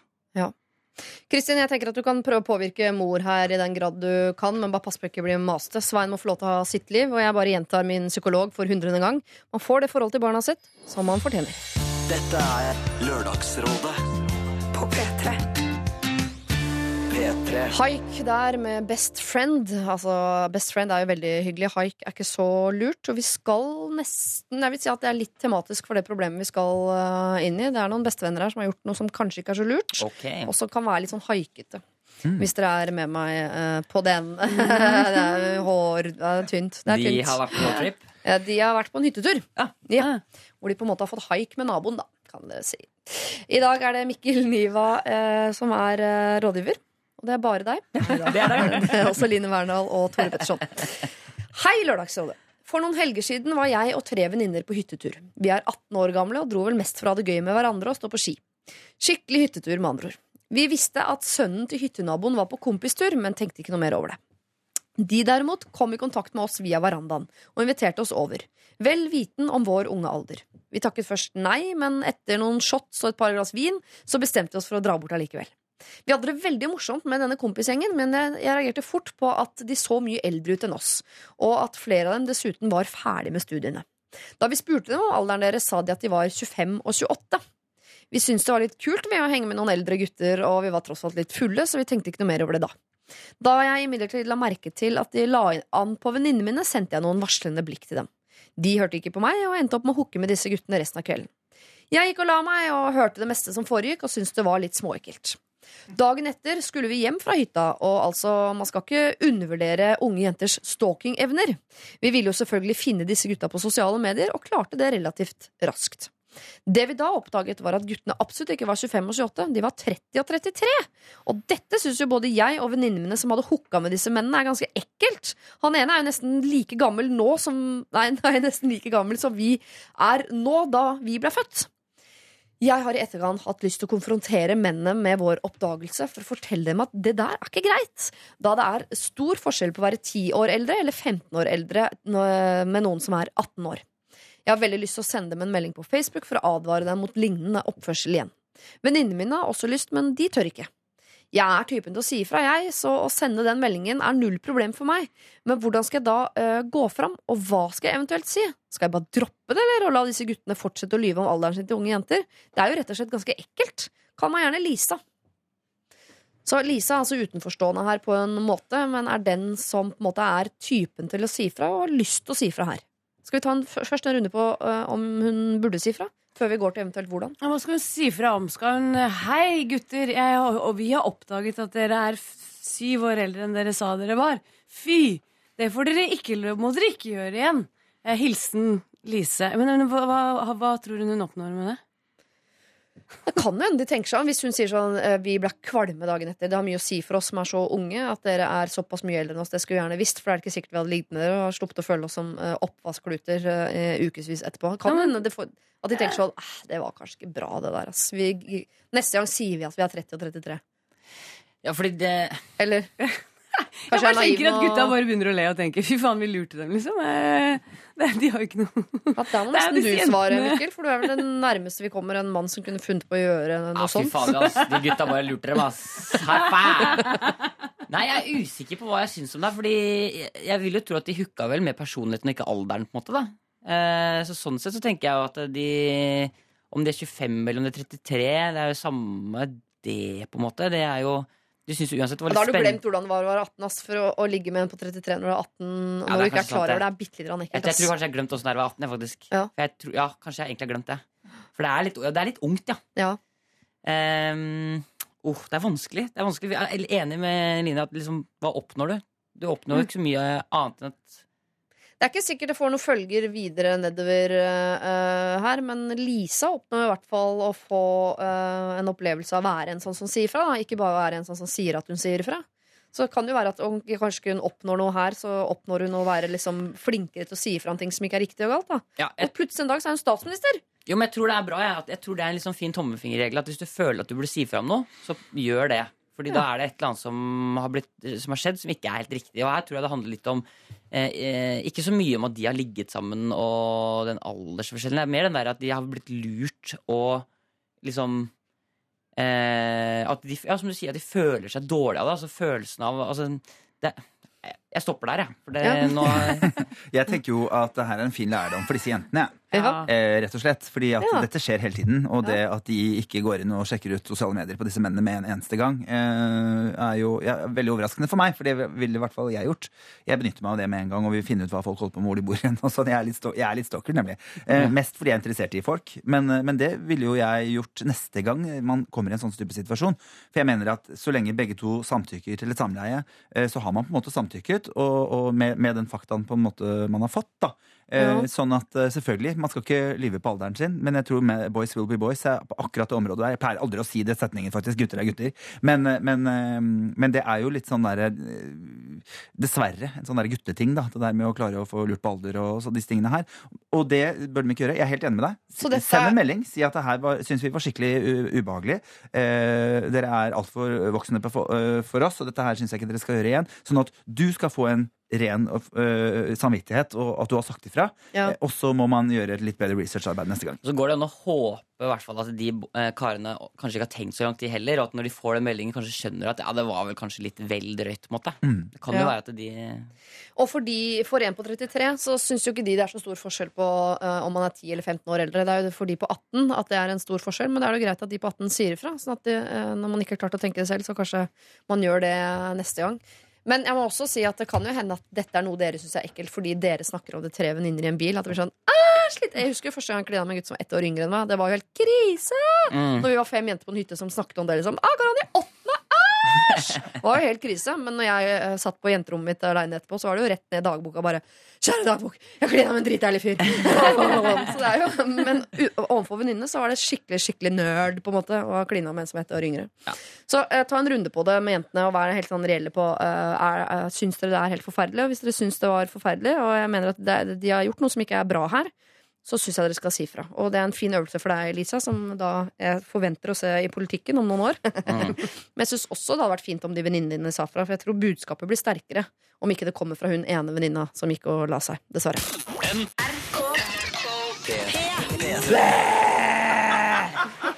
Jeg jobba som korist for Kvelertak 1985 etter låta her. og så er det da meg på koring bak der, hvis dere hører det. Eh, det vært gøy å være korist for Kvelertak, eller? Det synes jeg vært gøy, ass. Trestemt hæ? Ja. Sånn. kan man gjøre det falskt? Går det an å være Kore falskt til kvelertak? Det tror jeg ikke. Nei, det går an å synge for fint, da. Det er det eneste. At det blir for fint, ja. ja det tror jeg ikke er noe problem for min del. jeg søker, jeg. jeg søker.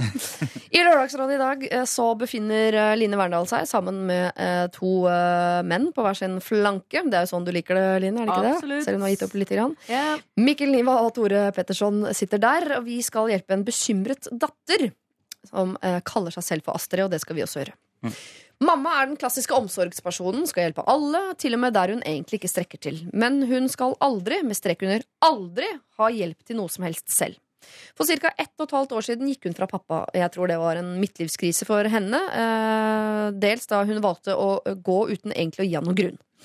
På toppen av det er de fortsatt kjærester når det passer henne, men de bor hver for seg. Pappa, i håp om å få kona si hjem igjen eh, Hun bor i en leilighet hun har klart å opparbeide seg, eh, en, hvor hun har opparbeidet seg en kredittgjeld på omtrent 300 000 kroner i løpet av denne korte tiden. Hva hun har brukt pengene på? Vel, det vet ikke jeg. Hun sier selv at det har vært klær og reiser og litt annet diverse til familiemedlemmer. Hun har ikke innrømmet dette til meg, datteren hennes på 25 år, men jeg har hørt det gjennom pappa. Det har seg slik at jeg og pappa snakker godt sammen, vi er av samme fornuftige karakter. Skal jeg fortsette å se på at mamma graver sin økonomiske grav? Hun vil jo ikke innrømme selv at hun har problemer. Hvordan kan jeg da skaffe henne hjelp? Jeg er sint på henne i skjul, jeg føler hun svikter som mor når det, eh, er jeg som går og bekymrer meg for henne, og eh, når jeg er mye bedre stilt enn henne økonomisk også. Jeg vet at hvis jeg konfronterer henne med dette, så kommer Forsvaret og tårene. Hun vet hva hun holder på med, men lyver så mye til seg selv og oss rundt at hun tror på det sjøl. Kan jeg som datter tvinge min egen mor til økonomisk rådgivning og hjelp? Hilsen bekymret datter Astrid.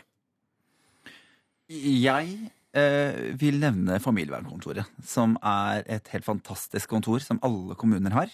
Eh, hvor man kan ta med familien sin helt gratis og snakke om ting som er vanskelig sammen med en fagperson som kan hjelpe deg gjennom disse tingene her. Um, og akkurat det der i forhold til å gå fra uten, uten å gi noen, noen grunn til det. Jeg elsker Sissel Gran, driver og leser det er sluttboka, selv om jeg akkurat har fått meg kjæreste. For jeg ønsker å bli en bedre kjæreste, og ikke gå i disse flausene. Eh, men det der med å ta opp vanskelige ting i en sånn setting, eh, med, med noen som, som eh, kan hjelpe deg med å få ut eh, de tingene du har lyst til å snakke om, uten at det blir så stor greie, Ja. eh, tror jeg kan være lettere. Fordi det er mye følelser i familie imellom. Hun ønsker jo helt klart ingen kritikk, og da er det enklere at det kommer fra noen andre som sier nei, men vet du hva, dette er jo faktisk ikke greit, og hvilken situasjon er det du sitter i.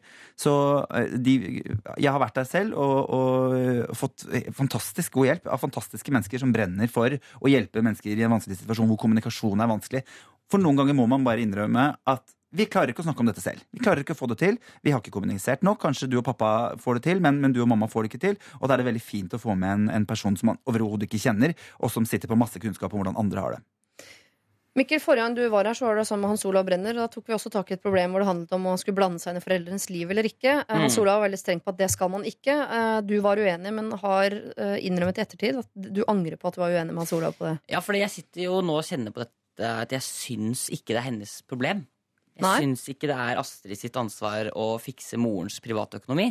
Og jeg syns eh, nok kanskje det er litt eh, Ja, det er litt uansvarlig av denne moren. Også, liksom, det høres ut som hun bare har gått apeshit, liksom. Og bare gått fra familien og skaffa seg forbrukslån og liksom bare fraskrevet seg liksom, alt det som heter liksom, ansvar for eh, familie og barna sine, og liksom tenkt litt vel mye på seg selv, kanskje? eller?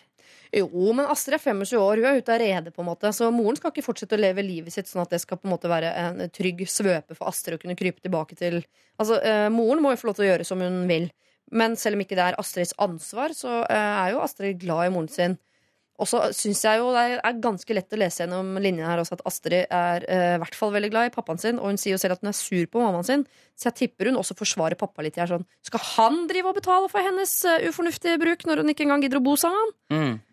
Så hun, eh, om ikke annet av kjærlighet til far her, så ønsker jo Astrid å gripe inn på en eller annen måte. Og selv om det ikke er hennes ansvar, så Men er jeg syns det er det en veldig norsk ting at man ikke skal ta vare på foreldrene sine.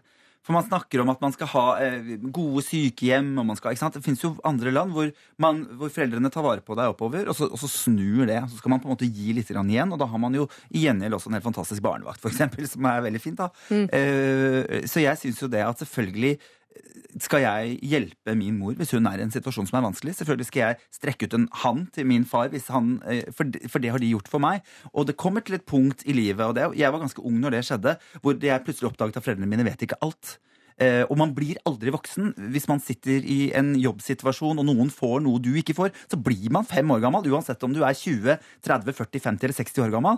Eh, sånn at selvfølgelig skal vi gripe ut en hånd, og selvfølgelig skal vi hjelpe, og selvfølgelig skal vi få Fordi at Moren er en del av en familie, og for at hele familien skal ha det bra, så må alle ha det fint. Og da nytter det ikke å si nei, du er tross alt en mor her, så jeg skal ikke ha noen ting, jeg skal ikke ta noe ansvar for disse tingene. Selvfølgelig skal man gripe ut en hånd og, og, og vise at man er, en, er en, en person som også en mor kan, kan stole på. Når hun er i et vanskelig punkt i sitt liv, for dette går jo over, men da må det være noen der og geleide henne fram, for akkurat nå tror jeg hun føler seg litt blind. Hun har hatt det vondt i mange, mange, mange år, og hun går med en skam om at ingen ser hvordan hun har hatt det. Man ser bare hvordan far sitter og har det vondt nå. Her kommer jeg til den boka igjen. det er det den handler om. Eh, Men greia er at de, hun har ofte sikkert brukt 10-15 år på å komme seg ut av det ekteskapet. Ja. Og nå trenger hun å bare bryte ut og komme seg vekk. Eh, og da må man på en måte være litt med på den eh, bagen der også. La henne få lov til det. Men hjelpe henne så hun ikke tar forferdelig mye dumme valg, for det gjør man. Og hun er fjortis, hun nå. Det er i midtlivet sitt. Det er to ganger i livet man bryter seg ut. Er man når man blir sånn 15-16-17 år. Prøver å stå aleine, og så er det rundt sånn 40-50.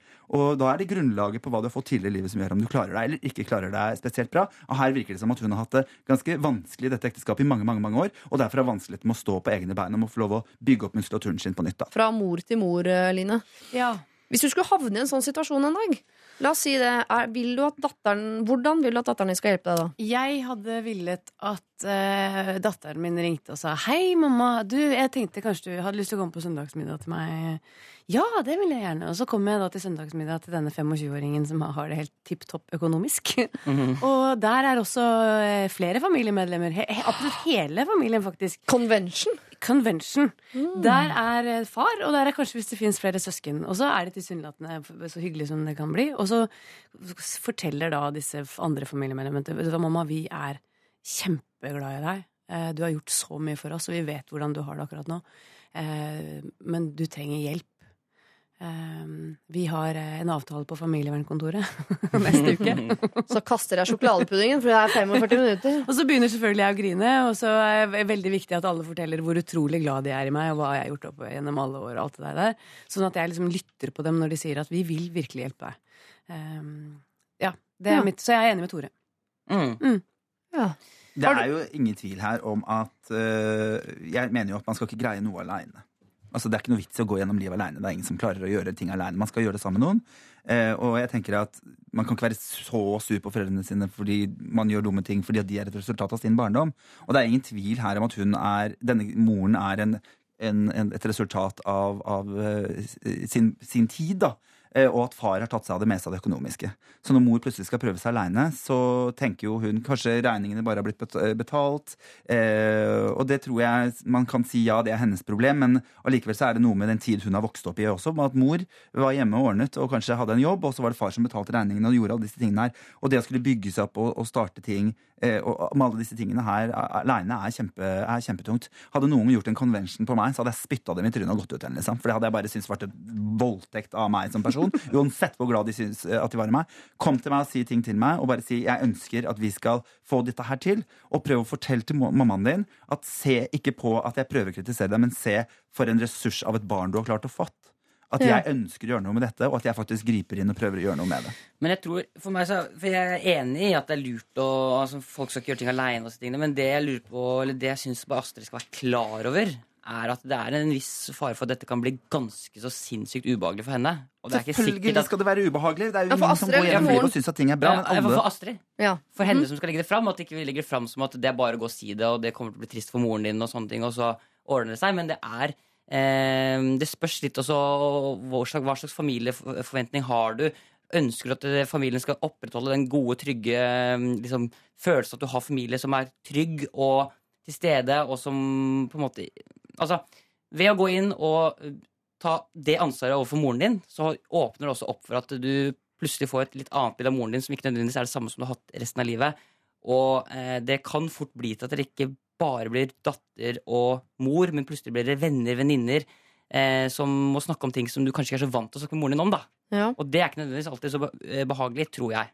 Og det er bare tenker jeg at det er lurt å være klar over hvis du først går inn i dette her. Så kan det være at familiefølelsen kan bli litt annerledes.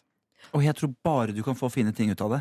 Det å ta tak i ting og snakke gjennom ting, det kan jo ikke bli noe gærent ut av det. Og det å lære foreldrene sine å se og se at de også er mennesker. For det er mange familier som går gjennom hele livet sitt og aldri snakker om noen ting.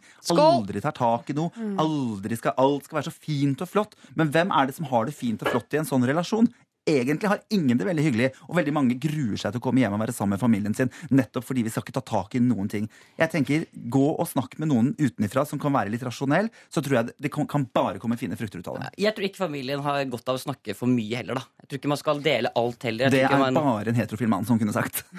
Nei, det Ikke bruk det argumentet. Ikke Tore det Petterson. kortet Det der kortet kan du ikke bruke. Ja, men det, Det kan du ikke jeg, jeg, det jeg bruke. ikke skjønner er sånn, Hvor er den der fine Hvor er den der grensen mellom å være mor og være, være venninne? Hva, hva, hva er det som Når, man, når barnet blir eldre, eh, og, og, og man møtes mer på erfaringsgrunnlag, hvordan kan man da ikke bli en slags venner, liksom? Skal man fortsette å være Hvordan er man da mor? Hva er forskjellen, liksom? Jeg skjønner ikke helt det der. Det er derfor noen mødre og fedre etter hvert blir litt sånn eh, at, at det kan gå på en smell på et eller annet tidspunkt. Fordi plutselig så er den jobben de har hatt i mange år, den er ikke der lenger. Det er ingen som trenger kan vel være litt det også. Nå er det ingen som trenger at jeg passer på lenger. Eh, Datteren min er økonomisk bedre stilt enn meg. Hun klarer seg helt selv. Hun trenger ikke meg. Ingen som trenger meg. Og så blir man sånn så svever man rundt der. Da. Det er ingen som trenger den, eh, den jobben du en gang hadde. Så da er man litt sånn ute på vift aleine. Ja. Da kan det gå litt gærent. 300 000 er ganske mye penger. Mm. Så jeg mener at dette må de ta tak i før det går ordentlig gærent. Fordi selv om mamma nå har en liten sånn reise eh, i livet sitt, så nå må noen fortelle at nå er ferien slutt. Nå må på en måte ta tak. Men jeg er fortsatt usikker på om om det er Astrid som skal ta det. Eh, Jeg syns du skal sette det i gang, men kanskje få pappa på banen her. For jeg tror det kan være ganske vondt for en mor eh, som eh, liker å klare ting selv. Alltid vært den som har hjulpet andre, men ikke liker å få hjelp selv. Og skal plutselig datteren din på SUS fem år komme inn og på en måte eh, økonomisk tørke deg i baken. Jeg, jeg, ville jeg vært ukomfortabel med det, og tror jeg ville satt pris på at Astrid enten tok det gjennom far, eller bare stilte seg liksom til rådighet og sa mamma, dette må du ta tak i. Eh, hvis ikke så kommer du til å få det vondt. Og hvis du trenger meg, så sier du ifra. Jeg kan godt hjelpe til, men dette må ryddes opp i. Jeg tror bare, jeg hadde, Som du sier at du hadde følt deg eh, voldtatt personlig hvis det var sånn convention hjemme. ikke sant? Du trodde du skulle få sjokoladepudding og vaniljesaus, og der satt hele slekta. Jeg ville også følt det hvis eh, datteren min på 25 sa sånn Nå skal vi på familievernkontoret. Da hadde jeg tenkt Kom ikke og fortell meg noe som helst, liksom. Nei, men Gå på rommet ditt. er jo alt er hvordan du legger det fram. Jeg synes at Vi har aldri klart å kommunisere spesielt bra. Eh, så det hadde vært fint om vi kunne gått ned der og fått noen råd. Noen som kan det Det behøver ikke å si 'nå syns jeg vi to skal prate sammen'. Og Det er det samme som jeg altså sier om menn. At Du må ikke si 'nå skal vi snakke om følelser'. Du må si 'dette er mine behov', hva er dine behov'? Eh, jeg har et behov for at vi går og prater, og jeg syns vi kommuniserer dårlig. Det har vært fint å ha en tredje person der. Så alt går på vinkling av hvordan hun snakker med, med mor. Hun skal ha respekt for sin mor og si at du, du trenger hjelp, er veldig kjipt å si, men nå har vi kommet opp i en situasjon som jeg syns er vanskelig, så gidder du å bli med for min skyld. Astrid, nå har du fått mange råd som spriker i mange forskjellige retninger. Og vi er jo farget av, av våre egne forhold til våre egne foreldre, vi som sitter her eh, også. Så det er jo ikke alt du trenger å ta med deg videre. Men jeg tipper at noe av dette her kjenner du deg igjen i. Så om du er komfortabel med å ta dette direkte med mamma, så gjør du det. Eller om du vil ta det gjennom pappa, så gjør du det. Vil du ha en convention, så gjør du det. Eller vil du ned på familievernskontoret, så gjør du det. Men at noe må gjøres, det er vi helt enige om. For 300 000, det er mye penger. Og det er ingen som ønsker at mamma skal gå helt nedenom og hjem nå.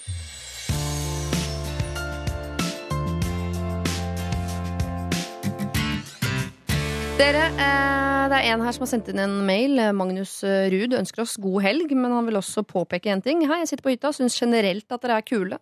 Men nå må dere jo faen meg slutte å si convention når dere åpenbart mener intervention. Intervention. Dere kunne uansett brukt norsk og ikke engelsk.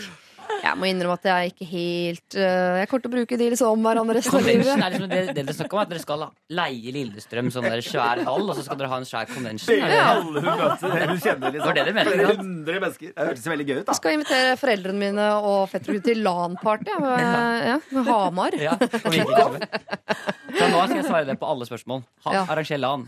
LAN-party med familien. Ja. Ok, sorry, det var feil bruk av ord. Det ble, er ikke første gang, det kommer heller ikke til å bli siste gang. Men eh, gøy med noen mail på det innimellom, men ikke hver gang, for da, det blir slitsomt for meg. Og så var det deilig at han sendte inn en deilig convention til oss. Det er jeg veldig glad for. Ja. Absolutt.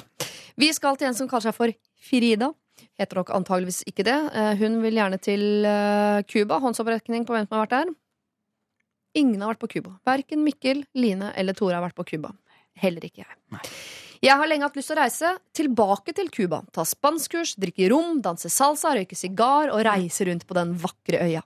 Aller helst vil jeg reise med kjæresten min, men han har allerede vært på en lengre reise i år og var usikker på om han hadde råd. Vi hadde spillkveld hos meg for noen uker siden, og jeg og, uh, var der da sammen med barndomsvennene mine. Jeg slang ut ideen om å reise til Cuba og malte et bilde av tre eksotiske, eventyrlige uker. Til min forskrekkelse var det en av jentene som tok agnet. Hun ville være med! Og jeg ble jo så glad, men jeg kjente et stikk av anger med en gang. Jeg og venninnen min har nemlig vært på reise før, og vi er ikke en veldig god match. Jeg vil oppleve å være på eventyr, hun vil ligge på stranda. Det er ikke sånn at jeg er Indiana Jones, heller, liksom, men jeg vil gjerne oppleve en del av kulturen i det landet jeg besøker. For henne er det viktigst å tanne og slappe av på stranda, og hun har allerede vært negativ til å bo hjemme hos folk, noe man gjør på Cuba. Ta et lite spanskkurs, selv om hun har øh, kunnet litt spansk fra før, og danse salsa. Hun vil bo på resort, tanne og drikke daiquiri, og det er greit, det, jeg kan være med på en sånn type ferie, men da er det jo ikke noe poeng å dra til Cuba! Så skjedde det noe. Typen min kom inn fra ferie og hadde besøkt Little Havana i Miami. Nå er han veldig gira på mer Cuba, og jeg ble jo så glad, for jeg vil jo mye heller reise med han. Han vil på samme type reise som meg. Venninnen min har allerede spurt om fri fra jobben, men jeg har utsatt bestilling av flybilletter. Hvordan kan jeg si til henne at jeg vil til Cuba, men ikke med henne? Hva kan jeg gjøre for at hun ikke skal bli såra og sur for at jeg har hatt henne på kroken så lenge, for så å bare baile og heller stikke på tur med kjæresten? Jeg vet at det er dårlig gjort, og jeg er redd å bli skuffa hvis jeg foreslår å reise på chartertur til Hellas. Hun er selvfølgelig veldig interessert i alle eh, strendene hun uh, ligger på, at de skal være eksotiske. Åh, hjelp! På forhånd, tusen takk. Hilsen Frida. Hmm. Altså, Hvis venninnen til denne såkalte Frida hører på, så tror jeg ikke hun lar seg lure av at hun kaller seg for Frida her. Med mindre hun har bytta ut eh, historie. Ja. det handler om Colombia, Ja ikke Cuba, på en måte. Ja, det, ikke sant, Hvis det er noe sånt, eller at det er Finland, ja, så kan det hende. Men eh, ikke bry deg om det, dere, i rådgivningen som dere nå må hive dere ut i. Hvem syns du hun skal reise med, Line? Og jeg syns det er vanskelig, for jeg kunne veldig fort ha vært en venninne av fordi jeg har jo ikke den kjæresten, hvis du skjønner. Som den der, som, å, jeg vil også være med på tur, og syns det er kjempegøy at noen tar tak i det. Og jeg, ikke nødvendigvis at jeg ville bare ligget og tanna og sånn, men det, det andre biten kjenner jeg meg jo igjen i. Så jeg hadde jo blitt, eh, hvis hun da hadde kommet og sagt hei, du vet du hva, kjæresten min har lyst til å være med likevel, så da beklager, men da blir det oss, da. Ja. Så hadde jeg jo bare å ja, nei, men det går bra. Det gjør ingenting. Men jeg, jeg har ikke så innmari lyst. til ikke, det er så dyrt. Også. så det har funnet masse grunner til hvorfor jeg ikke var såra. Eh, så jeg kjenner meg jo igjen i, i venninna, samtidig som jeg jo tenker det er ikke så innmari vanskelig å bare si jeg har lyst til å dra med kjæresten min. Er det, er det, jeg, jeg vet ikke, jeg syns det er vanskelig. Ja, fordi eh, Hvis det bare høres ut sånn jeg velger kjæresten framfor deg, så blir man jo satt i en bås med en gang. Mm. Sånn, Hun som alltid velger kjæresten foran vennskap. Og det er en grei bås å være i det hvis man er komfortabel med det. Men det er De tydeligvis ikke det, Frida. Ja, ja. Men her handler det jo litt mer enn bare sånn eh, kjæresten foran venninnen. Det handler om hva slags type ferie hun vil på. Ja. Hun vil danse salsa og lære seg spansk. Hun vil ikke bare ligge og tanne. Altså, eh, Frida og venninna vil jo på en måte på to vidt forskjellige kinofilmer. på en måte Ja. Hun ene vil se en skrekkfilm, og hun andre hater på en måte skrekkfilm. Eh, og det må være lov å anerkjenne. Sånn at eh, her tror jeg Frida Jeg tror nok eh, jeg, tror nok jeg ville sagt det. jeg. At det liksom Jeg tror at jeg, jeg, tror ikke, jeg tror ikke jeg skal på samme ferie som deg. Og si, jeg, jeg ville nok sagt det til vennene mine. At Ja. jeg tror faktisk ikke du og jeg Hvis vi skal reise, så Hvis jeg skal reise til Cuba, sånn som jeg utgangspunktet snakka om, så har jeg lyst til å gjøre det og det og dette. Eh, vil du det, så kan du være med på det. Hvis ikke, så vil jeg heller dra sammen med kjæresten min, for det er det han skal. Men kan de dra alle tre, da? Jeg også tenkte på det. Kan du ikke bare si Når du ligger og soler deg på stranda, så drar vi og danser salsa, liksom, så møtes vi til middag etterpå? Mm, Da er vi sånn dritkåte fra det kurset og gleder oss til du stikker, sånn at vi kan fortsette. Du kan ikke ha samme hotellrom, da. De må ha forskjellige hotellrom. Da. ja, nei, De kan godt foreslå det, men da, hvis jeg hadde vært venninnen til Frida, så hadde jeg funnet på en eller annen grunn for hvorfor jeg plutselig ikke kunne reise Men kanskje det er nøyaktig det som er grunnen til at, han, at hun skal si det. Ja. Du, eh, kjæresten min blir også med, bare så Ja. du veit det. Å ja, ja, da blir jeg jo tredjehjul på hånda. Ja ja, du blir jo det, men hadde, Det Men det er du hjertelig velkommen til. Altså. Velkommen til, jeg hadde altså. blitt med likevel. Eller eventuelt da foreslå at hun finner en som kan være hennes liksom, reisepartner, og så kan de være fire som drar, da. Ja. Kan ikke du få deg type òg? Ja. Nei, men Hun kan jo uansett reise på en ferie. Hun har jo allerede fått fri og har tydeligvis råd til å ta denne turen her. Eh, mm, Så jeg tenker jo, jeg vil jo at vennene mine skal være ærlige med meg, og jeg vil at jeg skal kunne være ærlig med vennene mine. Hvis ikke så vil jeg ikke ha de som venner. Så det å kunne gå og si bare sånn Du må bygge opp en ekstremt glede. Eh, Ja. Her er det skuespillskills som må til. Og så må du si Oh my God, jeg er så lykkelig, kjæresten min blir med likevel. Jeg hadde jo så lyst til å reise sammen med han, og han var så negativ, og, og lagd en sånn veldig greie ut av det. Jeg er dritgod til å lyve. Eh, og så hadde jeg lagd masse ting, og så eh, sa jeg at «Å, han vil jo det samme som meg. Så det blir helt fantastisk. Så da kan jo du bare ligge på stranda. Da kan du gjøre alle de tingene. Da så kan vi bare møtes sånn av og til innimellom. Vi skal sikkert opp i et par-tre dager opp i fjell, og bare gjøre det litt sånn uattraktivt for den vennen å være med. Men det er jo alltid, hvis det er en hyggelig venn, så er det jo hyggelig å kunne stikke og møte og spise middag med den kanskje en gang om dagen, eller, eller kanskje en, to ganger denne uka. Eller, altså Det går an å løse dette på en eller annen måte hvis hun sier å ja, nei, men jeg blåser i det. Jeg liker å ligge på stranda. Jeg syns det er deilig uansett, så jeg blir med. Eller så kan hun velge å si du, du vet hva, da lurer jeg på om jeg venter til neste tur, eller om jeg eh, reiser til Hellas. Det er jo dyrt å være konfliktsky, men her lurer jeg på om Hvis jeg skal være helt ærlig, jeg hører at alt det der hører, Det er sikkert lurt og fint, og sånn, men jeg hadde bare ikke klart å gjennomføre det i praksis. Jeg tror jeg hadde endt opp med eh, to turer. Jeg hadde dratt til Cuba med kjæresten i tre uker, og så hadde jeg også sagt sånn Du, Uh, nå har jeg så lyst til å kalle venninnen Knut, men jeg skjønner ikke hvorfor jeg velger det navnet. For det er jo ikke et jentenavn engang. Så uh, la oss uh, Knutine, Og nå er jeg inne på Lars. Kan noen gi meg et jentenavn? Frida. Nei, for det heter hun. Dere er ikke Frida, begge to. Marianne. Marianne, tusen takk. Jeg ville sagt uh, Marianne, vi har det jo aller best når vi bare tanner og drikker daiquiri og ligger på stranda og uh, sløver. Ikke sant? Så det, den ferien skal vi på. Uh, hva med Hellas juni 2017?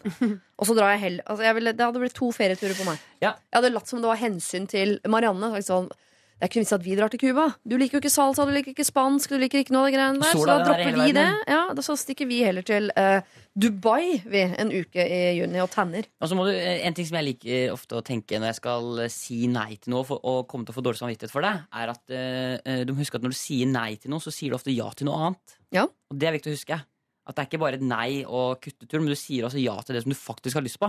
Sånn at eh, om, ikke det, om ikke du sier det til venninna di, så må du bare huske at liksom, du snakker med en venninne her som du skal dra på tur med, som du ikke matcher med, og som ikke du har det så gøy med. Så hvorfor i all verden skal du da dra helt til Cuba med den venninna? Ja, enig. Jeg er redd hun blir skuffet hvis jeg foreslår å reise på chartertur til Hellas. Står det jo her ganske Mm. eksplisitt i mailen. Og det er jo nettopp det jeg foreslår at du skal gjøre. Men skuffet blir hun jo uansett. Hun kommer til, om hun eh, plutselig slenger på typene eller avlyser, uansett hvordan hun løser dette her, så kommer denne venninnen til å bli eh, skuffa. Men hun skjønner, hun må jo. Hun skjønner det. må Det skjønne går over. Hun kan, altså hvis hun sitter på fest og sier sånn Fy søren, Frida dro med kjæresten sin på en skikkelig bra tur. Mm. Fy søren, så dårlig gjort. Så vil jo, det er jo ingen som kommer til å reagere på det. Nei. Da blir man hjemme en lørdagskveld, så syns jeg det er teit, for de har man så mange av. Ja. Men en tur til Cuba er kanskje for noen one time in a lifetime-opplevelse til tre uker. i hvert fall Så da skjøn, bør man jo skjønne det. Jeg ville i hvert fall sagt bare sånn Kjæresten min har sagt at jeg skal bli med. Hvordan stiller du deg til å løse dette problemet? Ja. Så kan du dele opp tre uker. Det er lenge. Det kan jo hende at Frida og Marianne får en uke sammen, og så får Frida to uker med kjæresten etterpå. For han har jo faktisk allerede vært på en lengre ferie i år.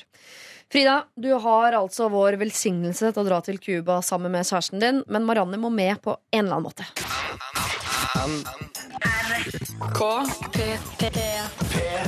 For en gjeng. Alok, Bruno Martini og Ziba, Hear Me Now, synger de altså i uh, trefoldighet, er det lov å si? Send en mail på det. Eller alfakrøll.nrk.no. Vi skal treffe en som heter Mattis, som er blakk og jobbsøker. Kan du kjenne deg inn i det, Mikkel Niva? Nei. Nei. Jeg har masse Line- jobb og masse penger. Det er ikke noe problem. Så deilig. ja. Jeg har ikke begynt på forelønning engang sjøl. Er så digg, digg, det, da. Nei, du, det kjenner jeg meg igjen i. Ja. Noen ganger. Ja. Line Verndal, Ja, kjenner du deg igjen i det? Jeg har vel vært der, jeg òg, ja. Ja. Ja. Og du, Tor Petron, har du vært der? For det meste av livet mitt. ja, blakk og jobbsøkende. Ja. Jeg er i en prosess hvor jeg er nødt til å bytte jobb, rett og slett fordi jeg tjener for lite der jeg jobber nå. Jeg er alene med et lån på en leilighet i Oslo og studielån. I tillegg har man jo diverse utgifter. Det som plager meg når jeg saumfarer finn.no for stillingsannonser, er at ingen legger ut hvilken lønn man får. Kommunale og statlige jobber legger gjerne ut hvilke lønnstrinn man kan havne innafor, så der har man jo litt peiling på hva den laveste lønna du kan havne på, er, i hvert fall. Så til spørsmålet mitt. Er det greit å spørre hvis man blir ringt opp for å komme på intervju, hva lønna ligger på? Er jo helt tåpelig eh, at både jeg og mulig fremtidig arbeidsgiver skal bruke tid på et intervju hvis det viser seg at lønna uansett er for lavt at jeg kan ta den jobben. Jeg snakket med en venninne av meg som en periode jobbet for et bemanningsselskap, og hun mener jeg da skaper et dårlig førsteinntrykk. Der det virker som lønnen er det viktigste, og at jeg ikke brenner for jobben, og at det heller de da vil velge en som er mer gira på selve jobben. Kjør debatt! Med vennlig hilsen Blakk og jobbsøker Mattis. Blakk-Mattis. Blakk-Mattis. Jeg skjønner denne venninnen, eh, men samtidig så syns jeg det er greit å cut to the chase. Hva er lønna? Men det er et vanskelig spørsmål å stille. Altså Man må jo anta at, eh, det, er- at du er en gave for den, til den arbeidsplassen. da På en måte, vil iallfall jeg tenkt at eh, Det er ikke sånn at de gir deg en gave og gir deg jobb. Det er jo, du, du er jo sikkert en ressurssterk, bra fyr, liksom. Som antakelig har masse å komme med. Mm. Så du har jo lov til å vite hva du skal få penger for å gjøre jobben din også. Eh, jeg ville absolutt spurt. Jeg, Det har jeg også gjort mange ganger. Jeg har aldri hatt noe problem med. Jeg synes Det bare virker som at du tar det seriøst. Hvis du legger det fram på en bra måte, liksom. Ja, eh, hvordan gjør dere med avspasering, overtid? Hvordan er det? Og hva ligger lønna på sånn gjennomsnittlig? Hva tror du? Det er jo liksom Jeg tror at verden har gått rett på sånn Hvor mange sykedager har dere hos dere? Det, det, det, det er en dårligere spørsmål å stille. Det er jo ikke noe hemmelighet at alle er opptatt av lønn. Eller i hvert fall veldig mange. Ikke alle. Absolutt ikke alle. Men jeg trodde det var en sånn uh, satt lov jeg, på at du skal ikke ned i lønn. Man skal jo aldri ned i lønn. Alle jobbintervjuer jeg har vært på, så sier de 'hva forventer du i lønn'? Og da forventer jeg jo alltid mye høyere enn det jeg hadde sist. Hvis ikke så hadde jeg ikke giddet å bytte jobb. Mm.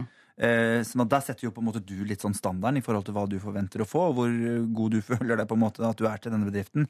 Og søker du på en jobb på Kiwi, jeg skjønner at det er kjempefint å, å engasjere seg veldig i det kiwiske samfunn, eh, men de skjønner jo at jeg begynner å jobbe her fordi jeg trenger penger å betale husleia mi for. Ja. Så jeg mener jo at dette er noe du kan ta opp. Men du må legge litt lista sjøl på selve jobbintervjuet. Mm. Og jeg for min del tenker at det er en sånn fin ting. Ikke, ikke det første du tar opp. Men han tenker at han skal ta opp dette her før intervjuet, så han slipper å bruke tid på å dra på et jobbintervju hvis, eh, hvis Ja. lønna er for lav. Så han vil spørre om dette her før. Du har lov til å be om eh, stillingsbeskrivelse før du går på intervjuet. At du vil forberede deg litt, eksempel, før du reiser dit, og vil ha litt oversikt. Så da kan du lage deg selv noen spørsmål da, som du ønsker å stille.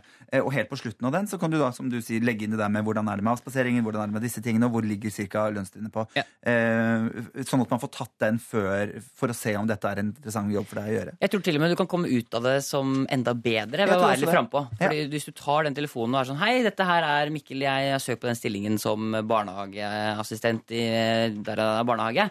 Eh, før intervju så bare har jeg noen spørsmål, for jeg er litt sånn nysgjerrig på arbeidsplassen.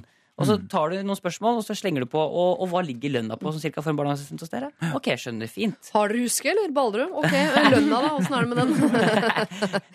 jo, men altså, I er skuespillerbransjen, for eksempel. Jeg må bare si at jeg kjenner meg igjen i av og til at man får sånne forespørsler hvor jeg også blir veldig sur for at ikke lønna nevnes med en gang. For jeg er også sånn, jeg, jeg selvfølgelig kan jeg komme til Stavanger og, og gjøre ditten og datten, Mm. men eh, jeg gjør det jo ikke fordi dere er en eh, gjeng med studenter og utrolig godt humør.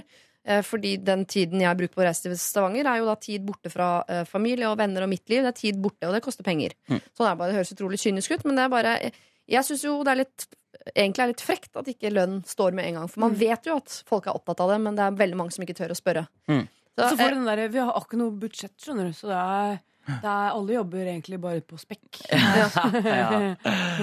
ja, og det er det ikke alle som har muligheten til å være med på, på en måte. Nei. Nei, jeg er helt enig, det burde stått. Det er, men det er klart at grunnen til at det ikke står, er jo at hvis du er den rette for eh, jobben Jeg er ikke sikker på reglene på dette, men hvordan jeg har opplevd ting, er at man skal ikke gå ned i lønn uansett. Så hva forventer du i lønn? ikke sant? Sånn at det er klart Hvis du fikk 20 000 da, i den forrige jobben, så kanskje du får 25 000. Men er du en kjempegod ansatt, og du lå på rundt 30, så får du plutselig 35 000. Ja. Sånn at eh, Det er derfor det ikke står. For det, er- det er jo ikke en flat lønn. Det er jo eh, erfaring og eh, alle disse tingene her bygger seg på, i hvert fall hvis det er en bedrift som følger Altså, de fleste, norske lover, da. Altså, de fleste steder, altså Frilans er jo én ting, det som vi på en måte antageligvis alle her er. da eh, Der er det på en måte ikke noen satte ting, men det er jo masse satser for dette her. Mm. Det er veldig enkelt for folk å svare det. Men grunnen til at Eller faktisk, det er ikke nødvendigvis så lett å svare alltid, fordi du må levere CV. da Det er jo en ansiennitet der, det er jo sånne ting. Men det går jo an å hvert fall be om en sånn Hva er en sånn cirkalønn det pleier å ligge på? Det Ja. går an å be om. Ja, En arbeidsbeskrivelse Ja. og liksom informasjon om jobben. Det har man krav på å be om. Så er det veldig typisk nordmenn å være veldig redd for å snakke om penger også. Ja. Og det må man slutte med. Jeg vet at uh, en av våre rådgivere som vi har brukt mye her i Lørdagsrådet Jeg er usikker på om dette er en hemmelig eller en offisiell historie, derfor så velger jeg ikke å nevne navn. Men uh, han hadde en parallell mailadresse som han kalte for Rita Hotmail eller et eller annet sånt som har latet som var en manager. Så hver gang han fikk tilbud om noe hvor det ikke sto penger, så sa han dere må nesten ta det med Rita. Så fikk han Rita til å stille spørsmål om hvor mye penger som var involvert, før han Så tok stilling til. Og da kunne Rita si at nei, han kan ikke, eller det passer ikke, eller det syns jeg er for lite for han å få, osv. Så, videre. så han bare outsourca det til, uh, til en tredjeperson som ikke fins. Hva hvis han eh, gjør om stemmen sin litt, og så sier han sånn Hei, her er eh, faren til Mattis, som lurer på hva lønn er for guttungen min. Han er veldig flink. Men virker man ikke bare seriøs hvis man, hvis man, hvis man spør hvor ligger lønnsnivået her? Man, man, ja. Hvis man stiller spørsmålet på riktig måte. Ja. Mattis, her handler det om å ordlegge seg riktig. Det er helt greit at du lurer på hva lønna er. Du må bare si det på en måte som gjør at du virker interessert. Kanskje litt ekstra interessert ved å stille noen oppfølgingsspørsmål og drive litt research i eh, forkant av et eventuelt uh, intervju. Lykke til! Dette er Lørdagsrådet På P3. P3. Maroon 5, altså. Denne gangen sammen med Future. Låta heter Cold. Og så har vi hørt eh, Sia med sin hyllest til helium, som er hennes favorittgrunnstoff. er det et grunnstoff? Det er det. det, er det. er det det? Det er det. HE, antagelig. Ja. Ja, Eller Jeg foreslår at vi ikke skal snakke mer om det, for vi har antakeligvis ikke så mye mer svar. Altså Jeg snakket for mye om det allerede, men jeg var på quiz forrige uke hvor det var spørsmål om hva, eh, blant annet da, hva er CU. Eh, hvilket grunnstoff er CU? Kobber. Smalt jeg til med. Viste det var riktig. det. Det var riktig. ja. Ja, det viste seg å være riktig. Jeg bare sa det første jeg kom på som begynner med C. Imponert. Ok, Det er kjempebra, for det er hele poenget med dette programmet. At folk skal bli imponert over meg og min kunnskap. I dag, eh, Mikkel Niva, Line Verndal og Tore Petterson, vi skal til Hans og gjengen, som har et veganerproblem. Eh, her skal jeg prøve å holde meg litt på utsiden av dette problemet, i hvert fall eh, så lenge jeg klarer. Kjære Lørdagsrådet. Vi er en vennegjeng som etter en del år i ulike landsdeler fortsatt treffes tre-fire ganger i året når vi er i hjembyen. Da har vi det veldig hyggelig, og vi er like gode venner nå som da, kanskje til og med bedre. Men en av oss har blitt veganer. I utgangspunktet er jo ikke dette et problem, men vi snakker typen holier than you-veganer. Av en eller annen grunn er hun blitt så kravstor at vi andre skjemmes. Og så ufin mot de ansatte at man får lyst til å grave seg ned. En gang ringte hun restauranten et par timer på forhånd for å bestille noe vegansk, og det skulle gå fint. Da vi kommer til restauranten og hun får maten, så sier hun ah, jeg har ikke lyst på ris i dag, ass, jeg er så lei av ris. Selv om hun ikke hadde fortalt dem at hun ikke skulle ha det, og heller ikke at hun ikke skulle ha pasta heller, eller wok, eller noe som helst som de kunne tilby på denne restauranten. Hun ville ha hummus, og det hadde de ikke. Så ble det klagingen klaging uten sidestykke, og når risretten etter mye om og men ble godtatt allikevel, så kom kommentaren 'det smaker meieriprodukt'. Vi andre var litt usikre på hva vi skulle si, så vi sa ikke noe. Dette er jo en hyggelig tradisjon for oss, egentlig, og vi har jo ikke lyst til å gå ut, eh, slutte å gå ut sammen, men dette går ikke lenger. Og så til siste problem. Veganeren er et fryktelig følelsesmenneske. Altså ikke et fryktelig følelsesmenneske, men fryktelig følsom, da. Og det å ta opp noe på en pen måte viser seg ofte ikke bli så pent, og hun sliter allerede med å snakke om kostholdet på en saklig måte uten å bli sur og dømmende. Skal vi bare gå ut for å spise uten å si noe, da, vi andre? Hilsen Hans og gjengen.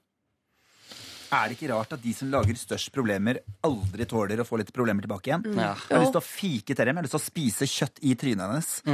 Spise kjøttet i trynet hennes, kanskje? er Gnage ut kinnene Ja. hennes. Ja. Nei, fordi at hvis du skal lage så mye Jeg vil der Åh, jeg bare kjenner at nå bygger jeg opp så mye aggresjon allerede. Du var så fin når du snakket om mamma-greiene i Ikke sant? stad. Og så bråsnur det. Nei, men altså, jeg har matallergi, sånn at jeg er jo han vanskelige gjengen. Alle syns det er grusomt å gå ut og spise med meg, fordi at jeg skal alltid ha uten og uten og uten. ikke sant? Fordi jeg blir så dårlig da. Eh, men det er litt sånn eh, Bare du er veganer, nå må du slutte å lage så mye greier. Jeg synes det er forferdelig. Jeg, og så- jeg tror For at hun skal bli litt hardere, så må man behandle henne litt hardt. eh, Og bare si ting rett til henne. Og så får hun bare grine seg ferdig og bli sur. Og hvis hun blir så Altså Det er ikke noe hyggelig å ha venner man må liksom gå på tå rundt uansett. Sånn at eh, da, får hun, da er det jo på en måte hennes skyld, og det blir hun som sitter igjen som den tapende part, mener jeg da. Ja. Eh, så jeg kan være ganske brå og direkte, og det ville jeg vært i denne situasjonen. For det der syns jeg er helt unødvendig å lage dårlig stemning for alle andre. Og så er det sånn, eh, Du sier at du har allergi, Tore. Og det er jo ikke, det er jo ikke selvforskyldt. Nei, det er ikke det. Det er et valg du ikke kan ta. Det har du, det må du leve med. Ja. Mens eh, veganer og den levestilen Den fordrer at du er nødt til å ta litt mer ansvar sjøl. Fordi det er en stil som du har valgt selv, og som du tross alt liksom utgangspunktet ikke er tvunget til å gjøre. Og da Mm. føles det nok eller Min forventning da, til folk rundt meg som har valgt det, er at de også må ta litt mer ansvar. Eh, så her hun må roe reka, liksom. Hun er nødt til å Hun må slappe av, hun der venninna. Ja, så er man aldri frekk mot en servitør uansett. Sånn at det, det er så mange aspekter her som blir feil. Hun er sikkert ikke ei drittkjerring på eh, bare ett område hvis hun kan bli så vanskelig på dette, Mm. mener jeg da. Ja, men sånn passive aggressive helvetes mennesker, det orker man jo ikke. Nei, men- Som bare begynner Nei, dette er dårlig gjort at dere gjør sånn. Mm. Det går jo ikke. Det går, de, må, tre- de må få seg en på trynet. Lukter, Jeg er konven enig. lukter convention her, altså. Absolutt. Ja, det lukter LAN-party av de greiene her. Men, men, men det går jo an å snu det til noe fint også. Eh, For Jaha. eksempel så kan de jo eh, la være å gå ut og spise. Kjempefint. Og så kan de heller prøve å lage noe sammen så hvor, de, hvor, de hyller, Hummus, for eksempel? ja, hvor de hyller denne veganerretten og hummusen og alt det der. Og samtidig eh, prøve å ha litt humor. Altså, jeg, jeg vil jo gå Så da skal Hans og hele gjengen bli sånn gjeng som drar på Kiwi og handler og lager mat sammen istedenfor å gå ut på restaurant som alle syns er mye deiligere og blir mye bedre resultat fordi én har blitt Nei. veganer? Nei, Ja, for her går- sier jeg. Bare dumpene som venn. Jeg orker ikke. Jeg hadde en kjæreste en gang som var sånn som drev og klagde på Han klagde på at det var for lite kullsyre i ølen, liksom. Hver gang vi gikk ut og spiste, så var det noe gærent med Jeg dumpet han jo, selvfølgelig. Det går- Dette her er en måte for henne å få oppmerksomhet på. Hun føler at hun har ikke noe annet spennende sånn som de andre gjengen har.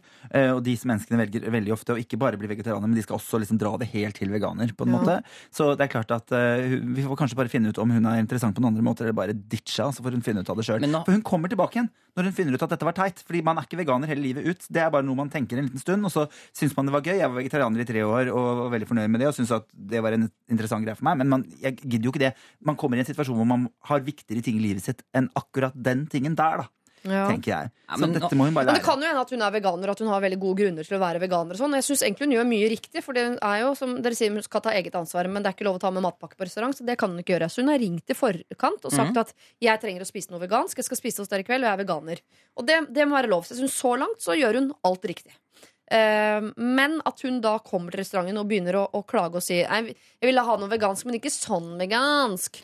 Det, det er der problemet oppstår. Så der må hun, hun må gjøre bedre research, og hun må stoppes. Og da er det nok sette hardt mot hardt. Altså, og bare være litt sånn eh, vanskelig med henne, sånn at hun forstår det. Ellers så, jeg, jeg ville nok i den situasjonen også brukt grepet eh, kødda litt med det.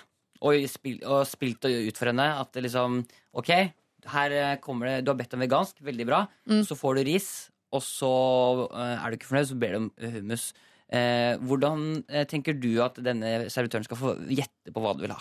Burde du vært litt tydeligere her? Ja. det burde du kanskje.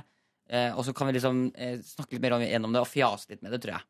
Ja. Jeg tror at eh, jeg, Men neste, neste gang de skal ut og spise, da er det ikke sånn at de kan si fra på forhånd sånn Forrige gang vi var ute og spiste, så hadde vi denne ris- og hummus-episoden. Det syns jeg er litt flaut. Jo, det var akkurat det, det var det Kan var- vi kutte ut det den gangen? For ikke så, så tør ikke jeg være med ut på restaurant, for jeg blir bare så si det er, du er så vanskelig på maten, så kan ikke du eh, bestemme neste gang vi går og spiser? Sånn at, for Hva vi mener du med jeg er vanskelig på maten? Jeg peka jeg på deg, det var ikke det jeg mente. Nei, nei, Så da må bare... alle gå på sånn Shangri-La-restaurant eh, Nei, nei, og spise hummus? hummus? Vi andre orker ikke vegan, men, men gå til et sted hvor du vet at de har god vegansk mat. Ja. For det har de faktisk en del steder eh, hvor de er veldig veldig flinke på det.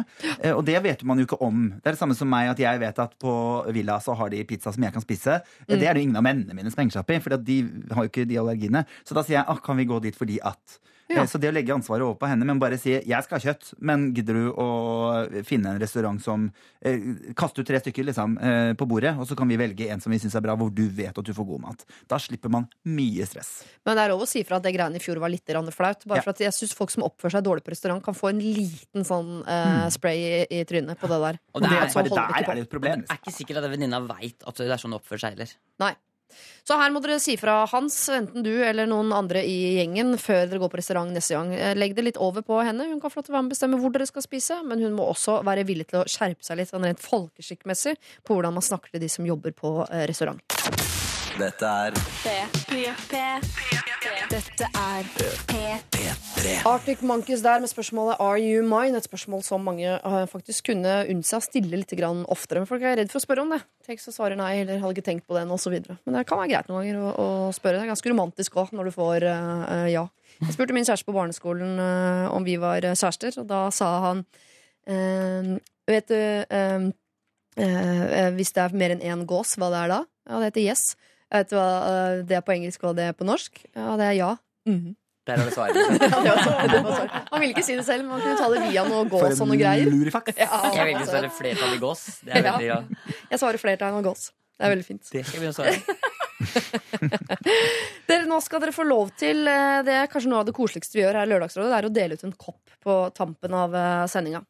Og de nominerte i dag er jo de som har sendt inn problemene sine til oss. Da, og jeg forventer ikke at dere skal huske de, i hvert fall ikke i stigende Eller altså i kronologisk rekkefølge. Så det skal jeg nå opplyse dere om. Vi startet ut med Marita, som var usikker på om hun skulle satse på eh, Tinder-gutten i Trondheim eller The Girl Next Door, som hun også hadde fått litt følelser for. Og vi sa vel egentlig her kan du få i pose og sekk, ta Altså kjør på litt med begge to en periode og se hvem du liker eh, best. Carl er en introvert type, sammen med en ekstrovert dame og syns det er vanskelig at hun skal være hjemme hele forbanna tida, og lurer på hvordan han kunne få henne til å få seg noen hobbyer, så han fikk litt mer eh, privatliv. Eh, der var vi ikke så veldig hjelpsomme, Carl. Vi snudde speilet og sa kan du få deg en eller annen hobby som gjør at du får den tiden du trenger til å takle dama di resten av dagen. Miriam hun er lei av å si nei, beklager, jeg jobber ikke her. Hun har tydeligvis et fjes som innbyr til kundeservice, og kan ikke gå inn i en butikk uten å bli spurt om hjelp. Eh, og her også snudde vi jo litt på det, så gjør det om til en lek. Gi deg selv en eh, liten eh, belønning hver gang du blir spurt, og gjør det rett og slett om til en slags sport. Så er det da Kristin som har en kamerat, Svein kalte hun han, som glemmer moren sin bursdag hvert eneste år. Der var vi litt harde, kanskje fordi jeg tror at vi er overrepresentert av folk som har en tendens til å gjøre det samme. Ikke du da, Tore. Eh, og sa sånn er Svein, og sånn må Svein få lov til å være. Og da får moren da ringe litt oftere og opplyse om at hun har bursdag, osv. Eh, Lisa har vært på hyttetur. Venninnene hennes var med. De er bare 18 år gamle. Og venninnene til Lisa endte opp med å ligge med to av gutta på nabohytta. De påstod at de var eh, 22 og 25 år, eller noe sånt, og så viste det at de var 28 og 30. Skal hun si fra om det? Det må du gjerne gjøre, Lisa, men først og fremst for din egen del, for at du skal bevare liksom, den si-fra-sjela di. Ikke fordi vi tror det kommer til å ha noe effekt på de gutta, dessverre. Astrid har en mor med pengeproblemer. Eh, Kan hun involvere seg i det? Der vant du, Tore. Rett og slett. Så det eh, skal du altså få lov til å gjøre, Astrid, men involver kanskje faren din, eller lag en intervention, om du vil. vi lærer jo noe, vi også, da. Ja. Og så da er vi altså eh, på vei til Cuba, men med hvem? Eh, skal man ta med venninnen som bare vil ligge på stranda, eller kjæresten som nå har meldt seg på, og som har lyst til å være med på salsa, spanskkurs og hele smøla? Det blir typen, altså. Men venninna kan få lov til å være med lite grann, hvis hun er komfortabel med det. Så eh, var det Mattis som lurte på om han kan spørre tidlig om hva lønna er når han eh, søker på stillinger. Ja, bare pass på hvordan du spør, så ikke du virker som en fyr som bare er ute etter pengene. Og så til slutt Hans og gjengen, som har fått altså en veganer på lasset. En av vennene har blitt veganer og oppfører seg Og det er ikke veganergreiene som er problemet, men eh, i, i kjølvannet av dette så har hun begynt å oppføre seg ganske ufyselig på restaurant, sånn at de andre blir flaue og mister lysta. Eh, hva gjør man med det? Eh, jo, man sier ifra før neste restaurantbesøk at du må skjerpe deg. Ikke oppfør deg så jævlig ræva. Og så foreslå noen restauranter vi kan gå på, så du får den hummusen din, som tydeligvis er så innmari viktig. Mm. Hvem fortjener kopp? Og det var mange her. Mm. Og så syns jeg at veldig mange på den andre enden av spørsmålet fortjente den. Jeg synes på en måte hadde vært koselig å gitt den til hun moren som har 300 000 i eh, ja, ikke sant? Og gitt den Mm. kanskje til hun venninna. Ikke sant? Ja, som ikke får være med som på ikke får tur. være med på Ja. tur. At bare sånn, du, her er kopp. Uh, by the way, jeg eh, tar med meg kjæresten min istedenfor. Det er veldig vanlig her i Lørdagsrådet at man får lyst til det. Ja, Ja. ja. Det er derfor vi har strenge regler for det grønne. Ikke sant. Så jeg tenker jo at um, For meg, kanskje den introverte som må finne seg en hobby. Så kan han ta seg en kopp te Mm. og tenke gjennom hva han skal gjøre med livet sitt. Jeg tror, det er en veldig introvert hobby, faktisk. Ja, ja. Det, er, det er hovedhobbyen til de introverte. Skulle ønske jeg, likte, jeg skulle likte te. Eller ikke mye kaffe.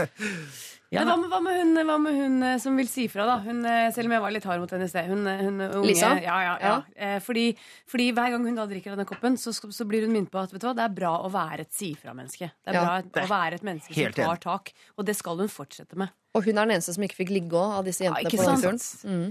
Det kan kan jo være greit å eventuelt gi det til Hans da, i Hans og gjengen også, så hver gang det kommer noe mas om det der veganergreiene, så kan han liksom bite tenna sammen og bare ta seg en slurk isteden. Og bare sånn Bli innbitt. Ja. Det Man blir verktøy til innbitthet. Nei, altså, jeg, jeg, går for, jeg, jeg går for Linus. Altså, det der med å ikke få seg noe og være flink til å si fra, det er to ting som eh, jeg setter godt pris på. Ja. Ja, jeg er nok enig i det, altså. Da blir det en kopp til eh, Lisa, men da må du si fra, Lisa. Bare for å øve, sånn at det der kan bli din bane resten av eh, livet. Og den koppen også kan jo bli med hele livet. Hvem vet. Dere kommer tilbake som rådgivere på et eller annet tidspunkt. Ingen vet når, men jeg gleder meg. Ha det! Ja, ha det. Dette er Dette er P3. Ja, hei Siri. Nei. Det gøy å møte et ja med et nei.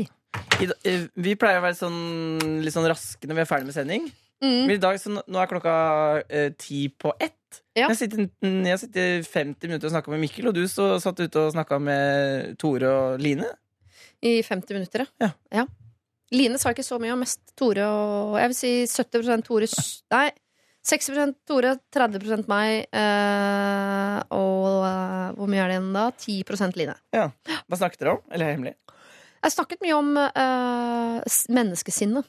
Oi. Psykologi videre. Oi. oi, oi, oi, oi, oi. Spennende, da. Om eh, folk som er gærne, og om folk som ikke er gærne. Psykologer og så videre. Mm. Vi gikk den veien der. Men på en skala Hva snakket du med Mikkel om? Mer sånn tekniske ting? Sånn Nei, jeg prøvde å improteknikk? Nei, så jeg hadde lyst til å ta bilder til en plakat som han til forestillingen skal lage, og så bør vi sitte og se på hjemmesida mi. Å ja. Har du hjemmeside? Ja. Koselig. Bilder av deg der. Er det det? Ja, Er det fine? Du har så dårlig smak på hva som er vakkert. Skjønner ikke hvorfor du er singel. Du syns jo stygge ting er vakkert. Du burde ha dame for Skjerp lenge siden. deg! Det er jo Det vet jeg at det er løgn. Du er litt mer kunstnerisk enn meg. Da. Der jeg liker silikonpupper, så liker du det naturlig. Nei, men jeg tror at eh, jeg tror, ah, eh, Siri liker ikke bildene jeg tar av henne.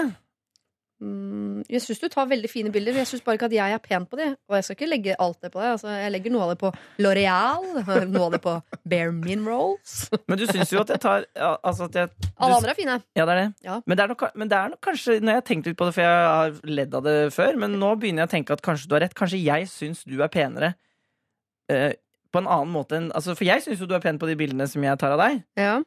Men kanskje du har en annen Altså du liker deg selv bedre når du ser annerledes Jeg ut enn det gjør. mer uh, Jeg har nok et høyere kommersielt behov hva utseendet mitt angår, enn det du har. Jo, men, ja, men, det en, for, kunne du forstå noe av det? absolutt. Men så, er, men så noen ganger har jeg sett sånn som det bildet som du som har lasta ned podkasten, har på det bildet. Det vet jeg at du har valgt det bildet hvor du sitter og snakker, og det bildet syns ikke jeg er så fint av deg. Hvilke bilder er det?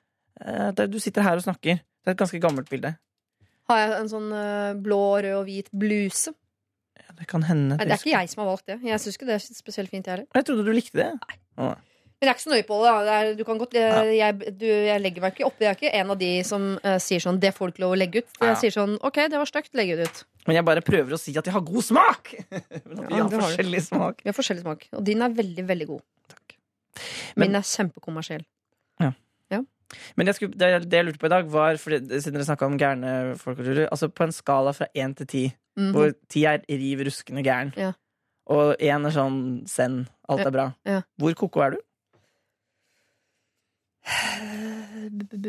Og det var, hvem var det som sa det? Hans Olav Brenner sa det til meg her om dagen. Vi satt og skravla, så sa han så du er ikke noen sånn sprudlende person. Du er ikke, du er ikke noe sånn utad lykkelig, men du slår meg som pers- en person som er veldig tilfreds med livet ditt. Som egentlig er et ganske lykkelig menneske. Du bare er ikke så sprudlende. Og det er nok helt uh, riktig, så jeg er egentlig uh, Jeg er ikke i send, det skal jeg ikke påstå. Det tror jeg ikke, men jeg liker jo ikke folk som er i send heller. Da. Det er kjedelige folk. Noe liksom uh, Ja. krumspring skal være der oppe. Absolutt. Men uh, jeg er så lykkelig som jeg kan bli, tror jeg. Eh, og så har jeg jo eh, Nei, jeg, jeg vil si at jeg er en en treer. jeg. Jeg har Men nå snakket jeg ikke, ikke, aldri at, jeg kunne ha, at det kunne ha klikka for meg, for eksempel. Det tror jeg Ok. ikke. Men det er kanskje naivt. Jeg tror bare ikke det. Tror du ikke du er litt mer ko-ko enn det? En tre? Ja, for du kan, Man kan være kjempelykkelig og ko-ko. Ja, kanskje. Nei, da Du er ganske konspiratorisk. Om det fordi det er spennende. Ja, det er sant! Ja. Det har jeg ikke tenkt på før. Det er derfor du liker det. Men Jeg elsker jo alt som har med krim å gjøre. Krimbøker, krimpod. Du bare krim, gjør krim, om- krim, krim, krim, krim, Du bare krim. gjør om livet til krim. Mord, mord, mord, mord, mord, mord, mord. Ja. Og så er jeg nok um, Dette kan jeg ikke si. Jo, si det! Det er dette vi skal ned på dark web. Kom igjen. Vi kommer til å miste så mange lyttere nå. Mm. Dette er helt på slutten. De ligger Ja. og sover, de som, eh, som Ikke hør på nå. Eh, jeg har nok et intellekt som jeg ikke får brukt så mye.